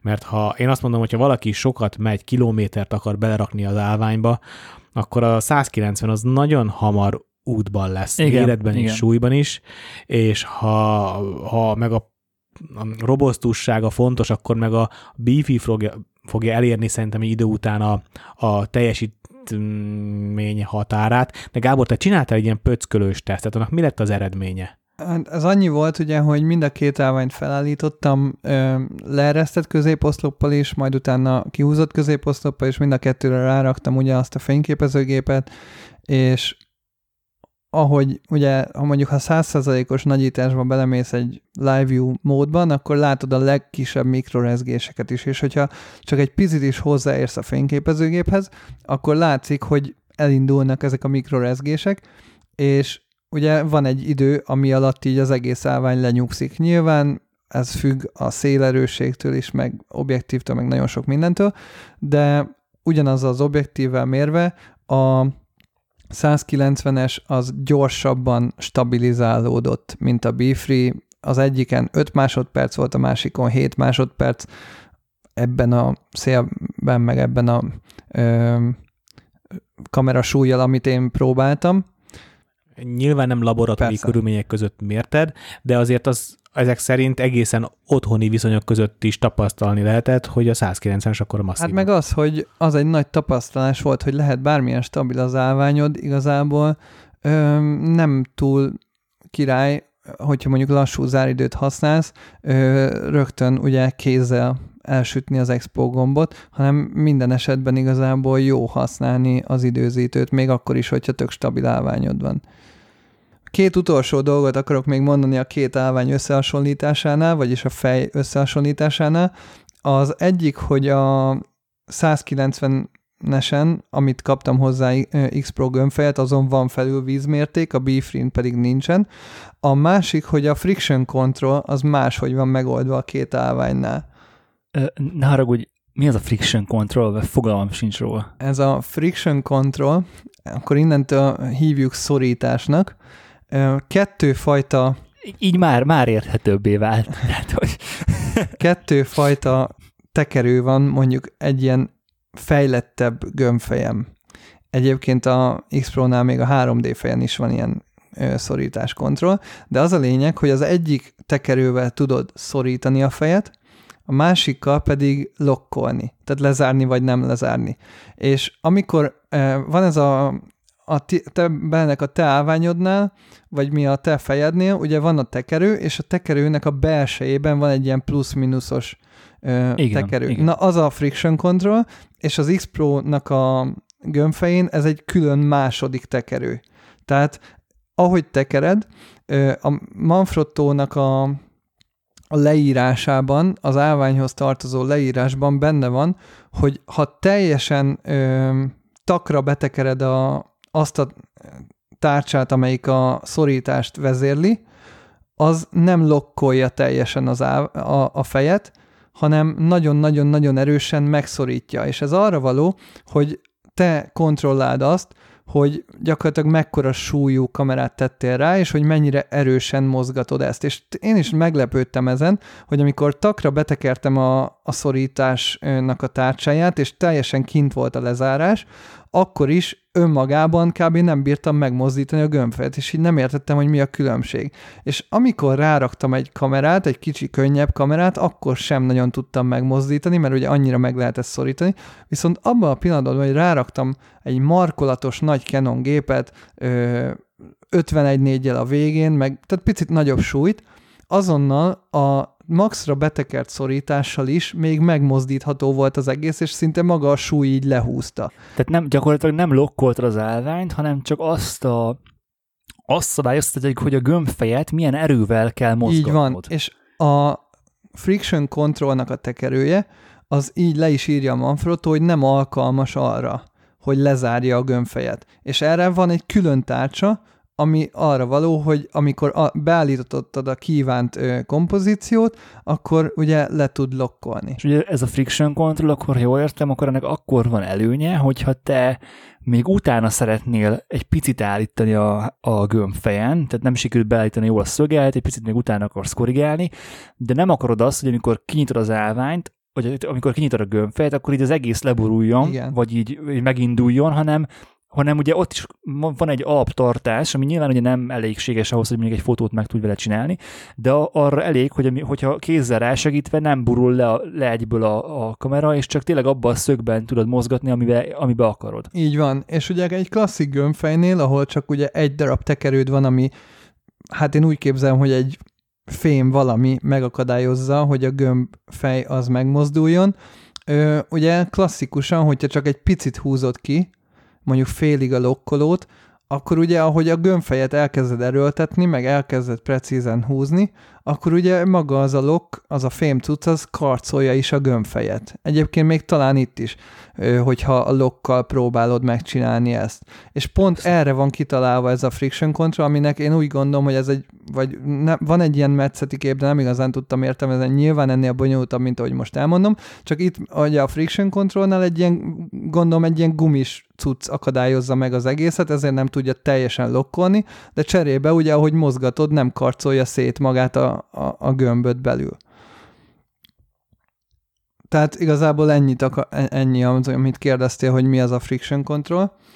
Ez így most már tökélethető, és azért amúgy baromi hasznos igazából. Viszont, hogy most, hogy így a kettő állványnak a technikai részeit így végig kiveséztük, picit akartam beszélni magáról az állvány élményről, hogy milyen állványjal fotózni.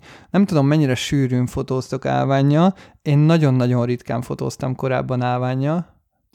Én is, sőt én mindig röhögtem az állványfotósokon, és ez nekem egy ilyen cinkelő faktor volt mindig, hogy ha állványt viszel fotózás, minek az, de nyilván be kell, hogy lássam, hogy vannak olyan szituációk, amikor nagyon nagy segítség tud lenni ez az állvány. Például most az utóbbi időben a, nem tudom, ismeritek a Digo pizzát, hogyha nem, akkor mindenképpen rendeljetek tőlük kaját, mert nagyon, nagyon jó cucc. A, a srác, aki kitalált ezt az egész brandet, nekem ő évfolyamtársam volt az egyetemen, és azóta is tök jó barátok vagyunk, és én szoktam fotózni neki a kajaképeket. És ilyenkor baromi jól tudott volna jönni ez az állvány, hogy nem kell újra komponálni a, a, a, fo, a fotót, egyből tud jönni a következő pizza, ugyanabból a szögből meg tudom csinálni a, a képet, és hogy, hogy mivel ebből mostanában úgy van, van azért jó pár, így nagyon-nagyon rákívántam egy tényleg jó használható állványra. Igen, a termékfotónál elképesztően hasznos az állvány, tehát ez egy felhasználási lehetőség, hogy ugye mindig ugyanabból a pontból tudjál ö, fotózni, én még a gömbfej versus 3D fejnél akartam elmondani, és most eszembe újra, hogy lowlight portrénál tud jól jönni még az állvány, és ott például kifejezetten a gömbfej, és pontosan az imént említett friction control miatt, mert magát a gömbfejet szabaddá tetszett, hogy mozoghasson, de a friction control az objektív gyújtótávolságnak megfelelő mértékben meghúzod, tehát fogod tudni mozgatni a gépet, tudsz fel újra komponálni, de annyira pedig megtart, hogy ne mozduljon be a kép, hogyha ilyen 60-80-addal kell kell portréznod. Amikor tavaly csináltam ezt a LED lightos világítást, akkor például kísérleteztem, ez, kísérleteztem ezzel a világítással, akkor használtam az állványt és a 3D fejet erre a célra, de egyébként nagyon-nagyon-nagyon-nagyon ritkán fotózom állványjal egyszerűen én túl türelmetlen ember vagyok ahhoz, hogy állványos fotós legyek, de amikor tárgyfotós meló van, akkor persze rákényszerülök, és akkor nagyon fájdalmas, hogyha szar az állvány. Most így, hogy a mozgatást mondod, egyébként összefoglalva a gömbfejet azt sportfotóhoz, portréfotóhoz, természetfotóhoz ajánlják, a 3D fejet pedig ö, építészeti fotóhoz, ö, te- termékfotóhoz és tájképfotóhoz, ahova ugye nagyon precíz beállítások kellenek. De visszatérve az állványra, Benedek, neked majd tökre ajánlom egyébként, hogy próbáld ki ezt az állványjal való fotózást, és tudod miért?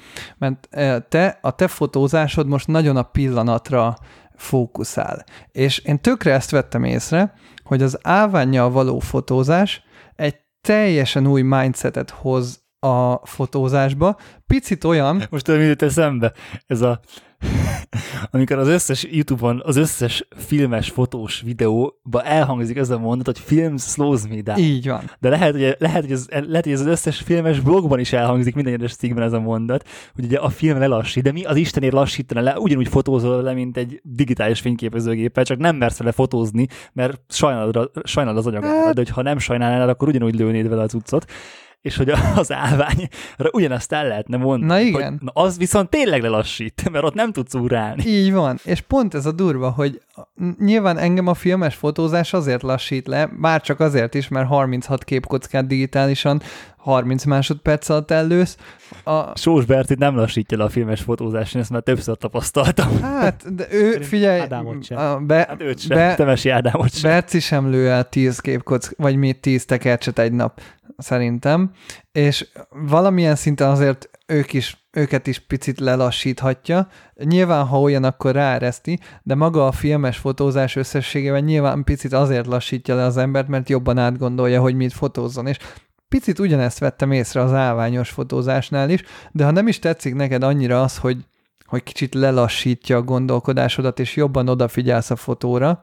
Nyilván ez nem street fotóra való, hanem különböző más dolgokra, de például Uh, ahogy máskor beszélgettünk a street fotó esetén, hogy az F8 meg a manuál fókusz mennyire megtanít arra, hogy hogy a pillanatot kapd el, tehát hogy nem kell foglalkoznod a kompozícióval, nem kell foglalkoznod az értékekkel, hanem ö, tényleg nagyon a pillanatra fókuszálsz, és egy nagyon jó gyakorlat arra az esetre, ha, ha mondjuk szeretnéd azt gyakorolni, mint ö, fotós, hogy minél jobban elkapni a pillanatot, és az állványnál ö, ha nem is a pillanatról beszélünk, hanem az állvány például nagyon-nagyon megtanít arra, hogy hogyan komponálj. Nagyon-nagyon felerősödik az, a, az, hogy elkezdesz a kompozícióra figyelni, és még az F8-nál ugye a pillanatra figyelsz, és az, azt tanít, az állványos fotózásnál meg elkezdesz arra figyelni nagyon precízen, hogy milyen a kompozíciód, és,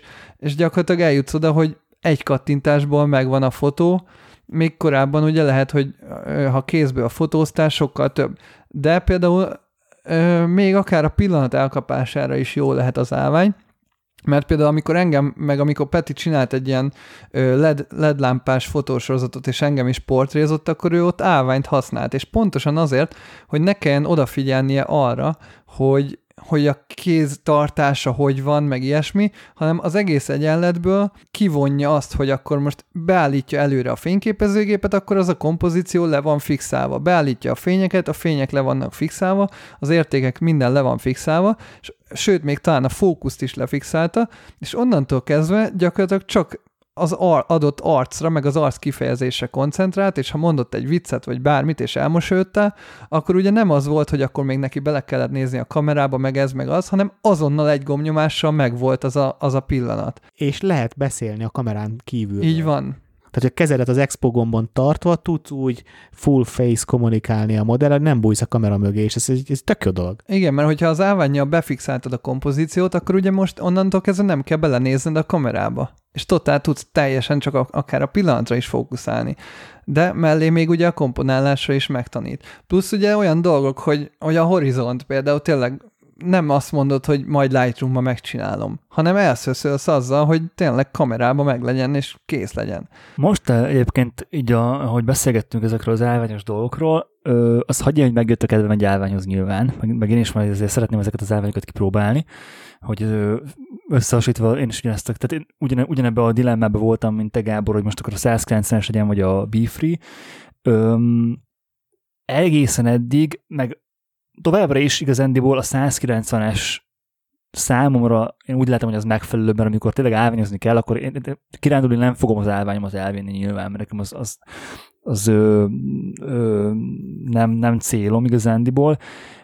Viszont a gömbfej VS 3D fejben most kicsit meginoktam. Hát ezt ki kell majd próbálni, mint ahogy Egé- én egészen, egészen eddig én azt mondtam, hogy a nagy állványon legyen ö, 3D fej, de amit az előbb mondtatok, hogy tud, a gömbfej engedi azt a szabadságot, hogy a friction control ugye már ezt is megtanultam, hogy mi ez, gyakorlatilag egy rögzített pozíción belül még tudsz ö, on the spot komponálni fotózás közben, és így van is állvány, meg nincs is állvány, érted, hogy mit mondok? Igen. Ezért tö, ez, ez tök sok lehetőséget ad, és, és én nekem nem nagyon van olyan, olyan ö, fotós melóm, vagy igazándiból semmi, ahol az a baromi nagy precizitás kelljen, és amiket felsorolta, hogy milyen, ö, milyen fotósoknak ajánlod a gömbfejet, gyakorlatilag én azokat csinálnám az állványjal. És hogy akkor miért vennék 3D fejet, csak kicsiszek magammal. És nekem egyébként volt egy, hát igazándiból meg is van, csak az egyik lába szorul, mert ez egyik egy kül megütötte, és így behorpadt szegény, azt hiszem, hogy talán Velvon állványom az ilyen, az első pár év, amikor elkezdtem fotózni, az első pár évben kaptam, vagy vettem, mert nem is emlékszem rá, ilyen 20 pár ezer forintos állványról van szó, és azon 3D fej van, és hát ott azért az, az lezár. Tehát hogy ott nem tudsz ugrálni úgy, mint a gömbfejjel, meg nem tudsz olyan szépen utána húzni, meg utána komponálni, akkor ugye kézben tartva a fényképezőgépet, mint hogy rendesen fognád, csak ugye alátámaszt az állvány. És akkor egy ilyen friction kontrollos, kicsit rászorítással fotózva ö, dolgozni. Úgyhogy ezt ki kell próbálnom nekem is. Igen. A helyzet. Biztos, hogy kipróbálás után fog szerintem a, a végleges konklúzió nálad is felállni. Nyilván a 3D fejet is egyébként, ha mind a két részét kioldod, akkor az is enged valamennyire szabad mozgás, de ugye pont ez az, hogy két részt kell kioldani hozzá. Nem pedig egy tekerővel van. Na még néhány dolog, öm, ami, amire például alkalmas lehet az állvány. Peti, az elején mondtad, hogy szeretsz olyan dolgokat fotózni, hogy egy darab statikus, és több dolog elmosódik, és például arra is valójában nem a stabis obi a, a valódi megfelelő eszköz, hanem nyilván az állvány. Annyiból igen, igazad van, a stabis obi az szintén csak korlátokkal jelent megoldást, viszont egy keresztülés kellős közepén, tehát egy aktív keresztülés kellős közepén azért macerás ezt állványjal megcsinálni szerintem. Nem azt Hát. mondom, hogy nem lehet, Hát vagy talán egy monopod. kicsit macerásabb. monopoddal. Igen, nekem egyébként, amikor még volt 302.8, akkor volt monopodom is, és az a csúf dolog történt meg, hogy valamiért a, a, a gömbfejem nyikorgott, és el tudjátok képzelni, mi az, amikor egy konferencián, egy beszéd közben újra akarsz kapni, és ilyen hangja volt. Azt. Úgyhogy, ja, ja, ja, de mindegy, ezt egyik az egész monopodot, meg a, meg a gömbfejet is eladtam, amikor a 302.8-at eladtam, mert most már ilyen minimál cuccal Ha mozgok. már a ezért hangokról beszélünk, nálam val- val- volt olyan, amikor egy táskát, vagy nem is tudom, valamit azért adtam el, mert hogy ugye amikor kinyitod a táskát, ilyen nagyon hangos tépőzár volt, és akkor az is szintén ugyanolyan gáz. Igen, igen, a, té- a té- tépőzár is klasszik ilyen. Igen, igen, igen. Meg még egy dolog, ami, amire szerintem akár kezdő fotósokat nagyon könnyen taníthat az állvány, az az, hogyha mondjuk leteszel egy tárgyat, vagy bármit az asztalra, és oda teszed az állványt, és fixen le van a kamerád téve, és elkezdesz kísérletezni fényekkel, vakukkal, akár egy ilyen RGB LED lámpával, bármivel, és fotózod többféle verziót, és utána megnézed a különbségeket, mert ugye egy az egyben látod ö, ugyanúgy lefixálva a tárgyon a különböző fényeket, meg akár ugye lehet fényfesteni, vagy bármi. Tehát például ez így szerintem amatőr fotósoknak egy nagyon-nagyon jó fejlődési lehetőséget tud adni, és ehhez nem kell a leges legdrágább állvány. Tehát, hogy abszolút kezdőfotósként én is ezer évig egyébként megvoltam egy tök olcsó állványjal is. Nyilván ez minden egyes alkalommal, amikor munkáról volt szó, vagy olyan komoly munkáról volt szó, ahol kellett állvány, oda az olcsó állványt nem tudtam a, ö, használni, pont ezért is akarok most már végre beszerezni egy Manfrottót, mert eddig, hát nem is tudom, jó sok alkalommal kértem már el a Guba Gergőnek a 190X Pro-ját kölcsön bármilyen fotózáshoz, és múltkor pont, amikor kölcsön akartam kérni egy fotózáshoz, mondta, hogy ugye a egy ismerőse ö, használta ugye most egy ilyen ö, online tanóra ö, felvételhez, és akkor ugye nem tudtam kölcsönkérni, és hogy tök szívás igazából, hogyha nincs egy olyan állványod, ami a sajátod, és, és van egy munka, amire kellene egyébként. Egyébként az én 190-em is kölcsön van adva egy táncot oktató barátomnak. annak a csapatnak annak a csapatnak segít most az állványom, akiktől annól Lindy Hoppot tanultam. Ilyen ez a karanténvilág. Mindenkinek állvány Hát kell. igen, igen. Na, szóval összességében még amit el szerettem volna mondani, az az, hogy ö, elsőre nekem is nagyon-nagyon nehezemre esett az, hogy megnézni mondjuk, hogy wow, Manfrotto, tök jó minőség, de azért mégis 100 ezer forint, vagy 110. Tehát, hogy úgy érzi az ember, hogy minek adjak ki 110 ezer forintot egy fém darabért, hogyha vehetek egyébként vakut, vagy objektívet, vagy bármit. És ö, ott kezdődik, hogy azért azt tudjátok, hogy nekem, amikor termékekről beszélgetünk, akkor nagyon-nagyon ritka az, amikor nem tudok mondani negatívumot a termékről. És ez a 190X Pro most egy olyan termék nekem, hogy akárhogy néztem, gyakorlatilag semmi negatívumot nem találtam benne, egy dolog lehetne még, hogy egy picit legyen könnyebb, de még erre is van opció igazából a karbon verzió, ami egy picit drágább, de megvan a lehetőségre.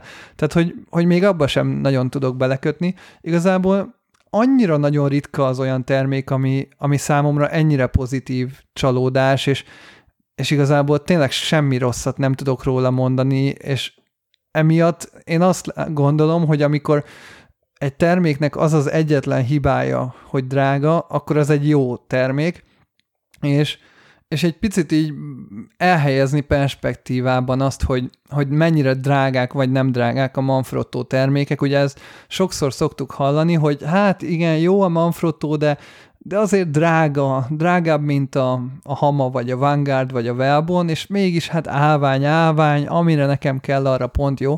De igazából pont az adás elején is, ahogy Peti mondta, az 1.8 versus 1.4 közti különbséget, ott is a, a Tamron Obi meg a Nikon 8514 között több százezer forintnyi különbség van, és, és nem érzékelhető a fotóidban. 400. Na, 400. És pont amikor nemrég beszélgettünk erről, hogy összeszedtünk néhány Manfrotto terméket, amire, amire így nagyon szívesen fájna a fogunk, azért 400-500 ezer forintból annyiféle kiegészítőt lehet venni, ami szerintem nagyon-nagyon megdobja a fotós felszerelésedet, és annyira sok új lehetőséget ad igazából, amit mondjuk egy 1.8 versus 1.4-es, vagy egy 1.2-es obi, vagy egy új váz nem feltétlenül adna.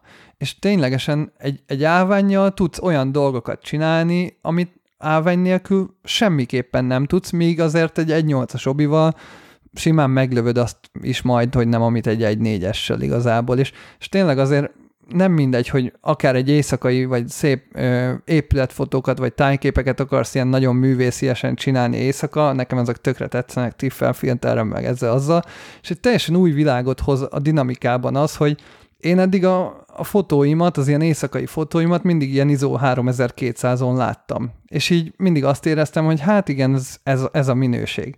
És amikor meglátod azt, hogy milyen az, amikor mondjuk ISO 100-on szerkeszted az éjszakai képeket, és milyen dinamika van, meg mint tudom én, az így tényleg egy teljesen más világ. És, és hogy tényleg 400-500 ezer forintból, ha, ha úgy megnézzük, hogy most egy vázat vásároljak, vagy, vagy tényleg két zsáknyi Manfrotto terméket, akkor lehet, hogy az utóbbit érdemes választani, mert, mert tényleg csomó olyan kis kiegészítőt lehet ebből a pénzből venni, ami, ami összességében szerintem nagyon sokat hozzáad, Arról nem beszélve, hogy az összes, egy-két kivétellel az összes Manfrotto állványra tíz év garancia van. Tehát, hogy ezek azért nem két-három évre vannak tervezve, mint egy váz vagy bármi, hanem ez tényleg nem véletlen van rá tíz év garancia, nyilván örök élet. Hát meg azt tegyük hozzá ez a tíz évhez, hogy utána meg még aztán javítható. Tehát, hogy, hogy ez nem egy finom mechanikus akármi, vagy egy, nem egy szenzor, ami, ami öt év múlva évül, vagy hat év múlva, hanem, meg vagy egy, vagy egy expogom, hogy kikopik, meg tönkre megy, hanem ez egy gyakorlatilag pár fémdarab, meg egy-két csavar, és baromi könnyen és költséghatékonyan utána javítható. Tehát, hogy ez egy igazi jó befektetés egy ilyen állvány, és hogyha neked szükséged van egy állványra a fotózásait során, akkor ezen aztán spórolni szerintem egyáltalán nem érdemes. Mert lehet, hogy most az a X márkás állvány mondjuk 30 ezer forinttal olcsóbb, de nem két évre veszel állványt, hanem hossz, sokkal hosszabb időre, és az az árkülönbség, ami most egy picit lehet, hogy az olcsóbbik döntés felé billent, az elenyésző lesz ahhoz képest, hogy az évek során mennyi könnyebbséget ad egy nagyon jó minőségi, nagyon masszív, nagyon pontosan állítható állvány. Hát igen, mint nálam is hiába volt az olcsó állvány igazából a szekrényben, mindig amikor a munkára került a sor, akkor kölcsön kellett kérnem mástól egy Manfred. Hát igen. Már csak azért is csodasozódás, mert Gábort így megtérni még sose láttam. Figyeltem a kamerán a fejét, igen, és ez... ilyen egészen más metakommunikációt is láttam részéről, mint korábban. Amúgy én ezt nem gondoltam volna, hogy ide eljutunk, Peti, azért őszintén Komolyan, mondom. Én, hogy, hogy a Gábor ki, ki mondja ezt a szája, hogy nem tud a termékről negatívot mondani. Tehát hogy azért, azért, azért na. De egyébként az sokszor azért is van, mert annyira hozzá vagyunk szokva az ilyen közepes termékekhez, vagy nem is tudom, én, én most azt vettem észre magamon, hogy annyira hozzá vagyok szokva, hogy így a daily life-ban olyan termékeket használunk, ami, ami így egy-két-három évi elavulási idővel van tervezve, hogy így meglepődsz, amikor megfogsz egy olyan terméket a kezedbe, ami így úgy össze van rakva, hogy érzed, hogy örök élet. Tehát mondjuk, amikor a Sony-t Sony teszteltük, és hát igazából 4-5-600 ezer forintos termékre azt mondtuk, hogy hát igazából ez egy olcsóbb kategóriás fényképezőgép, végül is valamilyen szinten megbocsátható, hogy nem olyan jók a gombja, meg nem olyan a kattanása, meg hát kicsit szarul van összerakva. Na most érted, itt van egy 100 ezeres Manfrotto állvány, és úgy össze van rakva, hogy hogy igazából dobálhatod egész életedbe, és nem lesz baja. Ö, de hogyha már ennyit beszéltünk az állványokról, és hogy, hogy ezek azért mégiscsak jó, jó kiegészítők, meg egy ilyen örök életig tartó kiegészítők lehetnek egy fotós eszköztárába, akkor kicsit beszélgessünk a ferde képekről is. Jó, ez végül is abszolút állványtopik. Mert ha rosszul állítod be a 3D fejet, ferde lesz a fotó. De van az a tudatos ferdesség, amivel egyébként Gáborral egy két-három hete beszélgettünk. Nagyon sokszor előfordul az, hogy az adás rögzítés után nem érezzük még kifejtve a témát, és Benedek elmegy aludni vagy vacsorázni, és mi Gáborral két-három órán keresztül adásban maradunk, Jellemző, kicsit azért megvédeném magamat. Hát most is ránézek az óra, negyed, negyed tíz van este, tehát hogy azért ezt nem, nem, nem délőtt veszik fel ezeket az adásokat jellemzően. Úgyhogy amikor így 11 óra magasságában így elkérdezkedek a srácok, hogy azért kicsit azért él, élnék egy kis családi életet, meg azért megfürödnék, meg vacsoráznék, meg így foglalkoznék vele egy picit, vagy néznénk egy, akár 11-kor már nem állunk neki filmet nézni, de mondjuk egy sorozat részt még megnéznénk, akkor azért érthető, hogy nem maradok még beszélgetni, egy három-négy órát veltek. És... E, ez amíg hozzátenném azt, hogy fél öt-öt körül kezdtünk el beszélni. Igen. Ugye negyed, negyed tíz van. Igen, ez ilyen, ez ilyen sport, de nagyon sokszor előfordul mégis, hogy Gáborral így bennünk marad a topik, és akkor elkezdünk egymásnak fotókat dobálni, és valahogy egy két-három hete felmerült az, hogy a csoportba merült fel egyébként ez a, ez a, ez a topik eredendően. Le, lehet, hogy onnan jött, de arra emlékszem például, hogy a Gábor ugye sokszor mondja nekem előző adásban is elhangzott ez a, ez a spontán fotózás, hogy engeded egy picit, ne instruál túl, és valahogy, valahogy szerintem mi akkor, akkor aznap este ebből fordultunk bele, hogy nézzem meg a nem tudom milyen fotókat. Mi volt, a, Gábor? Hát példának a Victoria's Secretnek a online reklámfotóit mondtam, hogy ugye itt ki van mérve minden az utolsó pixelig igazából, és hát miért van az, hogy dőlnek a képek? És egy átlag, nem tudom, 2000-es évekbeli fotóz.hu user, az azt mondaná, hogy mi ez a szar? Miért dől a fotó? Hát ugye két okból dőlhet egy fotó jellemzően, vagy nagyon tudatos ö, hatást ö, generáló fotós cselekedet, most belefulladtam a saját monatomba, vagy pedig egyszerű kamera használati hiba, amikor, amikor valami tehetségesnek hit fotósnak adnak egy fotós lehetőséget, és fotóz össze-vissza és művészkedik, hogy derül ki vajon egy képről, hogy az egy szándékolatlan művészkedés, vagy egy nagyon tudatos hatáskeresés, és azért dől az a Victoria Secret, Secret kampányfotó, hogy egy kicsit amatőr hatást keltjen, kicsit kom, spontánabb legyen, legyen egy kicsi boyfriend feeling. Hogy, hogy, hogy, hogy derül ez ki szerintetek? Hát ez szerintem nagyon nehéz kérdés, nyilván azért, mert például hogyha ugye mondod ezt a boyfriend feelinget, és akkor ugye nyilván a fényképezőgéppel picit azt próbáljuk megmutatni, hogy milyen lenne az, hogy ott vagy a helyszínen, és nem egy kamera van ott, meg egy fullos stáb, hanem csak egy, egy spontán pillanatot látsz a képen, és a pillanatra fókuszálsz, nem pedig arra, hogy ez most egy fotó. És Ugye amikor a való életben látunk egy spontán pillanatot, vagy a való életben próbálunk megjegyezni egy pillanatot, akkor ugye, ha te elfordítod a fejedet, vagy bárhogy ö, igazából más szögbe állítod a szemedet, mint a horizontális, akkor is az agyad egyébként kikorrigálja. És ugye a fotón ez nincs meg. És ugye fotón van az, hogy valamilyen szinten egy az, hogy a dőlő fotónál is, hogyha igazán a pillanatra koncentrál a szemed, meg ténylegesen nem azt nézed, hogy a fénykép technikailag hogy épül fel, hanem hogy mi van a fotón, akkor ott is egyébként hajlamos elfelejteni a szemed, hogy most ez a kép dől. Mm, én ezzel a kérdéssel még így a, akkor találkoztam először, amikor elkezdtem streetfotózni, és már nem is tudom, kitől hallottam, valahol biztos olvastam ezt a gondolatot, hogy egy pillanatfotónál, és én, én, én, én itt most nem a, nem a Victoria Secret-es fotókról beszélek, mert azok azért tehát ők, azok, én azokat nem, nem, hiába néznek úgy ki, nem tartom pillanatfotóknak. Én most itt, itt klasszikusan a street fotóra gondolok, vagy az ilyen candid fotókra, amit tényleg ilyen snapshot jelleggel készítesz. És, a, és úgy hangzott egyébként a gondolat, hogy igazándiból az, hogy dől le a fotó vagy nem, az semmit nem ad hozzá a képhez. Hogyha a pillanat rajta van nyilván. Tehát, hogy, hogy a, a maga a kép az, az fullos, egy, egy nagyon, jó, nagyon jól elkapott, nagyon jól komponált pillanatról beszélünk, akkor az, hogy, egy, az, hogy most a horizont egy picit dől mert nem, arra már nem volt energiája vagy ideje figyelni a fotósnak, vagy pedig csat egyenes, mert mondjuk utólag akár roppolta, az se nem veszel, se nem ad hozzá a fotónak az értékéhez. Én ezzel részben egyébként egyetértek, viszont ne, nem tudom, hogy miért, de ez, ez saját ö, preferencia, én mindig, mindig kihúzom egyenesre a horizontot, hogyha lehet. Nyilván van, amikor direkt, de akkor az látszó, láthatóan direkt van döntve a kép, akkor persze nem. De amikor csak egy egy-két fokot, ilyen 10 fok alatti, vagy 5 fok körüli dőlésszöge van a horizontnak, hogyha engedi a tér a téma körül, akkor azt én kiszoktam húzni, mert egyszerűen zavarja a szemet, hogy nem egyenes a horizont. A dőléssel kapcsolatban nekem az az élményem, hogy én alapvetően nem tudok szerintem igazán precízen komponálni. Ezért is okoz nehézséget az állványjal való fotózás, vagy például valamelyik nap láttam egy városfotós fickótól egy olyan posztot, amiben lefotózta a parlamentet, és külön írt hozzá egy elég komoly háttértörténetet, hogy ez a fotó, ez igazából nagyon durván középről készült, kész, ö, rakott be a poszt alá a fotóba ilyen százszerzalékos kroppokat, ahol tényleg be, megmutatta azt, hogy a parlamentnek a kis ablakai, meg minden pont ugyanúgy a két oldal tényleg szuper középről készült, és a poszt maga az arról szólt, hogy nagyon kevés ilyen kép készül, ezért ez a fotó rendkívül unikális, mert a legtöbben nem veszik a fáradtságot, hogy igazán pontosan kimérjék, hogy a parlamentet szuper középről fotózzák. És egyébként ez a képességem nekem sincs meg, tehát valahogy talán türelem kérdése, vagy a fene tudja, de én sokkal jobban szeretem, és jobban érzem magam az ösztönös fotózásokban, ugyanakkor utólag nagyon sokszor zavarni szokott a dőlés.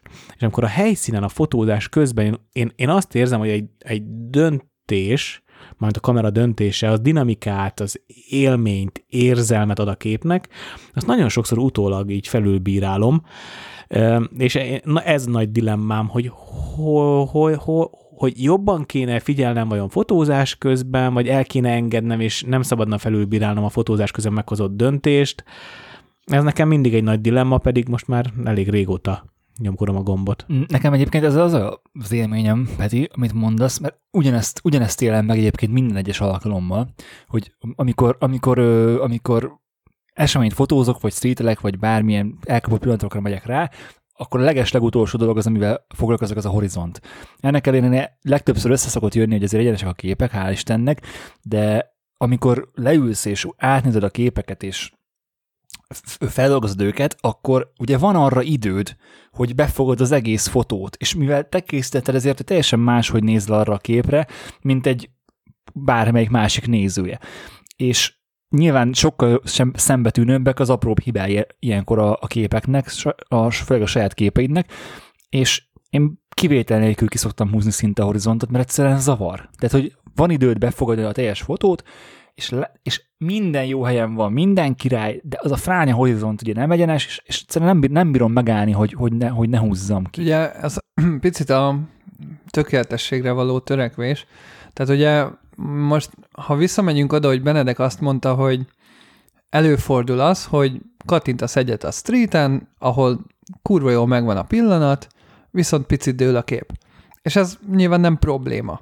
Viszont ugye a Victoria's Secret képeknél ugye azért merül fel még jobban ez a kérdés, ez a bedőlés, mert ugye ott megvan a kontroll, ott jobban megvan a pillanat, és mert hogy megvan teremtve a pillanat, emiatt volt egy alkotói szabadság eldönteni, hogy ezeket a képeket dőlni hagyjuk, vagy csináljuk meg egyenesen. Illetve megvan a, bocsánat Gábor, illetve megvan a bizodalmunk a fotósban, hogy ez nem véletlen.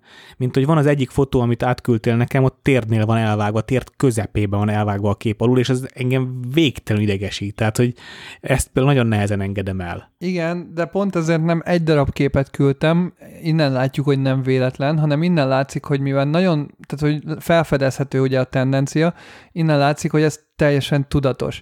És amikor Peti azt mondod, hogy fotózás során ösztönből úgy érzed, hogy ez most itt tök Kurva jó, jó lesz, meg hozzáad. Is, igen. igen. Majd utána utómunkában, ahogy Benedek is mondja, kikorrigálod. Ez ugye megint olyan, hogy itt a Victoria's Secret fényképeknél egyáltalán nem ö, arra kell gondolni, itt is ugye konkrétan kamerában döntötték be a képet. Tehát ugye maga ez, hogy ösztönből döntjük be a képet, az szerintem nagyon sokat számít. Tehát nagyon kevés ilyen kép van, a, ami mondjuk, sőt szerintem egy sincs, ami úgy készül, hogy meglövik egyenesen, és utómunkába bedöntik, hogy úgy tűnjön. Tehát ez azt jelenti, hogy nyilván ezek a képek úgy készülnek, hogy a fotós ösztönből fotózik, és eleget tesz utómunkában hagyja, hogy a tudatalattiának a döntései azok megmaradjanak, és ne írja felül a tudatos döntése, ami a gép, a gép előtt már gondolkodik jobban, mert amikor fotózol, egy teljesen más mindsetben vagy, csomó mindenre figyelsz, benned van az az érzés, és azt az érzést, ha az utómunka során is ugye tovább engednéd magadnak, és nem írnád felül az otthoni ö, másik fajta gondolkodásmódoddal, akkor az a kép úgy maradhatna. És adott esetben nyilván ez a bedöntött kép a néző felé is kommunikálja ezt az érzést, hogy, hogy így belekerüljön ebbe a mindsetbe. Viszont azt ne felejtsük el, hogy ezt a képet, ezt nem műértők fogják megnézni a legtöbb esetben. Tehát főleg a Peti esetén az ügyfél, ő pont leszarja azt, hogy Petinek milyen lelki állapota volt akkor, amikor azt a képet készítette. Őnek ez a fontos, hogy technikailag helyesen a fotó, hiszen azért fizetett ki egy valakpénzt a Peti miatt, mert ő azt gondolta, hogy a Peti tud egyenes képet csinálni. És azért bizonyos szempontból elvárás az, hogy, hogy egyenes legyen az a fotó, és így nem biztos, hogy mondjuk egy, egy ilyen ügyfeles képnél ezt megengedheti magának a fotós, hogy hát az a 3%-os dőlés azért mégiscsak ott van, mert az mert akkor éppen, éppen úgy éreztem a vibe hogy ezt meg kell döntenem, érted? Hát Tehát, igen, hogy... de technikai dolgokon is lehet egyébként ö, vitatkozni, meg a technikai dolgok... Nem, az, a baj, az a baj ezzel, Gábor, hogy az a, az a pár százalék dőlés az annyira esetlen sok, sok esetben, hogy, hogy, hogy az, az nagyon, nagyon, az nagyon nagyon olyannak kell lenni az egész sorozatnak, hogy az működjön, mint például amit küldtél sorozat, ott működik. De egy, egy, egy rendezvényfotón, egy, egy eseményfotón, egy akármilyen olyan fotón, amikor csak pár ilyen fotó, ami dől egy picit, mert éppen nem foglalkoztál vele, vagy éppen te azt jobbnak érezted, akkor az tűnhet úgy a megrendelő szemszögéből, hogy ez bizony az amatőrség. És például a csoportkép. És persze, és nem mindegy, hogy milyen fotó dől. Tehát ahogy mondod, ennek a street fotónál nem annyira probléma, de az építészeti fotónál meg tökre probléma lenne. Így van. Nyilván most, amit mondasz, hogy Petinél egy egy Petinek az átlag megrendelőjének a szemét lehet szúrná.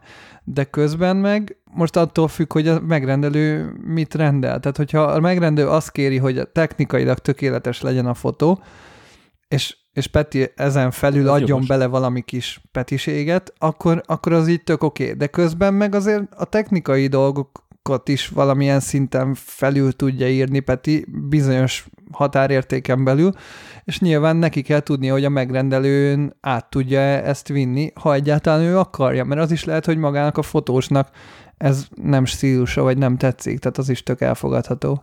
A csoportkép talán az, amik sose dőlhet szerintem. Tehát az, ott, ott, ott vagy nem áll, nem áll jól, kifolynak az emberek a képből, nem? De igen, de most nem ilyenekre gondolunk szerintem. Tehát a maga a csoportban lévő ö, fotók is inkább street fotók voltak, és megkérdezte, hogy mennyire gáz, hogy dőlnek a képek, mi, mi erről a véleményünk. És... Ja, hogy ez egy csoport ne, bocsánat, ezt nem tudtam, hogy ez egy konkrét posztból indult ez a téma. Hát volt egy kérdés. Témalistában láttam. Aha. És és most nem, nem csoportképekről beszélünk, hanem, hanem inkább olyan Világos. képekről, ahol, ahol picit a spontaneitást adjuk el, és ugye pont ezért próbáltuk ki Petivel azt, hogy mi van, hogyha ezeket a kicsit dőlő képeket kiegyenesítjük Photoshopban, és hogy megmarad-e a, az a spontán érzés, vagy, vagy eltűnik.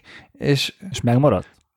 És hát ne, ne, nekem nem annyira maradt meg. Tehát én úgy éreztem, hogy kicsit eltűnt. Persze, egyértelműen. Nekem abban abba a sorozatban egy olyan kép volt, amitől én, én megbolondultam, hogy az, az, az úgy dől, ahogy dől. És ott, ott engem ténylegesen zavart, hogy az dől. De, de mivel az összes többi kép között van, és ami szintén ilyen kvázi spontán, meg, meg ilyen snapshot jellegű dolog, amit tényleg mondta az előbb, az előbb Gábor, hogy ilyen boyfriend feeling, hogy ő fotózta a lányokról, és nem egy profi fotós, emiatt nyilván működik, de, de nekem ez akkor is zavaró. Tehát az, az ilyen, amikor egyszerűen, amikor így rá tudok készülni egy fotóra, és legyen az akármilyen sztájba öltöztetve, ezt nem, nem tudom elengedni, hogy ez ne, ne legyen. Hát csak mondom, de ez direkt szerintem, tehát pont erre megy rá, Tudom, hogy direkt volt, tudom, hogy direkt volt, de engem zavar. Tehát, mert, mert én a snapshotjaimat is próbálom egyenesre húzni. És Azt- ez egy, azt ez egy ember, ez egy, érted? Tehát ez, ez, nem is, nem is csak, ez nem is csak a sorozatnak a hangulata, hanem ez magának a fotósnak a jelleme, vagy a fotósnak a, a személyiségéből fakad, hogy ő most ezt el tudja engedni, vagy nem. És hogyha te a hétköznapi képeidet is, amikor a kajádat fotózod, azt is egyenesen csinálod, akkor nyilván az, az ilyen fotóidat se tudod nem egyenesen csinálni. Hát más jellegű fotók, tehát hogy nyilván te is más hozzáállással fotózol streetet meg ö, terméket, és ez, ez is nyilván egy más jellegű fotózás, és nyilván Igen, a fotósnak akár tudnia kell adaptálódni is stílusok között, hogyha olyan. Én nagyon nagy csodálattal nézem a geometrikus street fotókat, amikor, amikor a geometria tökéletesen működik, amikor vízszintes a talaj, amikor ehhez hozzáadott valamilyen érdekes, jó szögben érkező becsillanás, vagy tükröződés, vagy fénybetörés van, és még valami érdekes, spontán dolog is történik Hát, na, nekem ezek, ezek a sarokban. fotók, azok a leg, legértéktelenebbek a streeten egyébként, Peti. Most ezt Lehet, de hogy De- vizuál, vizuális, Vizuálisan jók, a persze, a szememet. jók, Tehát, de nyilván. értem, amit mondasz. Nekem nem annyira dőlés szem, szempontból, de ügyfél szempontból van egy érdekes sztori, amit most muszáj elmondanom, mert kikívánkozik. Nagyon sokszor, amikor portrét fotózom, akkor megfotózom a portrét állóba, viszonylag kicsit közelebből, kicsit intimebben, főleg azért, mert az, az én közel, az én közel létem ad hozzá egy picit a képhez és, és utána, amikor ez így úgy érzem, hogy működik a kommunikáció, akkor megszoktam azt is csinálni, hogy elfolytom a kamerát ö, és megfotózom úgy, hogy lehessen, a, lehessen az ember mellé valamilyen szöveget tenni, ez tök jól jöhet ki weboldalon, lemezborítón, mit tudom én. És az, az a klasszik kérdés volt a legutóbbi ilyen portréfotózásnak, tök jó ez a fotó, a, a, az álló, csak fordítsam el fekvőbe. De, és nem igazán értettem, hogy mit, mit szeretne az ügyfél, és kiderült, hogy szeretné azt, hogy az az a kép, az, az, az fekvő legyen. Tehát legyen mellette hely. Mert ő valahogy úgy képzelte, hogy az egy ilyen varázsütéssel Photoshopban meg lehet csinálni, és hát nyilván meg lehetne csinálni, hogy kiegészítem a másikból, de hát ez olyan végtelen sok munka, hogy az asztal stimmeljen, meg a háttér stimmeljen, hogy azért azt így nem vállaltam be. Egyébként majd a csoportba belinkeljük a, ezeket a Victoria's Secret képeket, sőt nem belinkeljük, hanem akkor egy albumként berakjuk, meg, meg akkor majd lesz a show notes-ban hivatkozás erre a korábbi Tripodcast Community ö, posztra, ahol a Baski Sándor kérdezi, hogy, hogy mi a véleményünk erről. Most így ezeket a képeket látva, ti hogy érzitek? Nem esetleg a dőléssel a fotós magát, ezt a bizonytalanságot, meg ezt a kilátástalanságot, ezt a egyensúlytalanságot próbálta ábrázolni, hogy direkt vannak kicsit bedöntve a fotók, hogy, hogy érezzük, hogy jelenleg a, az életünk nincs egyensúlyban, és akkor mindenki maszkban van a fotón, meg ilyesmi? Hát én erre egyébként nem gondoltam, vagy én ezt így nem látom annyira bele, de, de sokkal inkább egy ilyen nem magamnál levő állapot. Most nem azt, nem azt mondom, hogy a részegség jut róla eszembe, de egy ilyen bizonytalan, gyenge lábakon álló, főleg a bizonytalan, egyébként ez átjön. A bizonytalanság átjön a képeken, de nem, én, én nem, ennyire tudatosan nem láttam bele azt, amit mondasz. Én pont, pont a bizonytalanságot nem látom bele, Peti, azért, mert hogyha, meg, hogyha gyorsan végiglapozod az összes képet egymás után, majdnem szinte az összes ugyanúgy dől. Tehát ugyanabban a szögben és irányban dőlnek a fotók.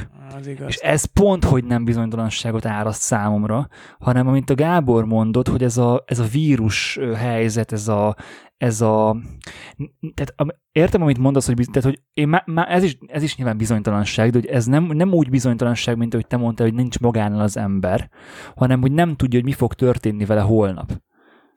Hogy, hogy, hogy, hogy, hogy, hogy, a, hogy, hogy nem bódult állapotban van, nem mint ö, a, tehát nem, nem fejben nincs ott az ember, hanem, hanem gyakorlatilag a világ csúszik ki alóla.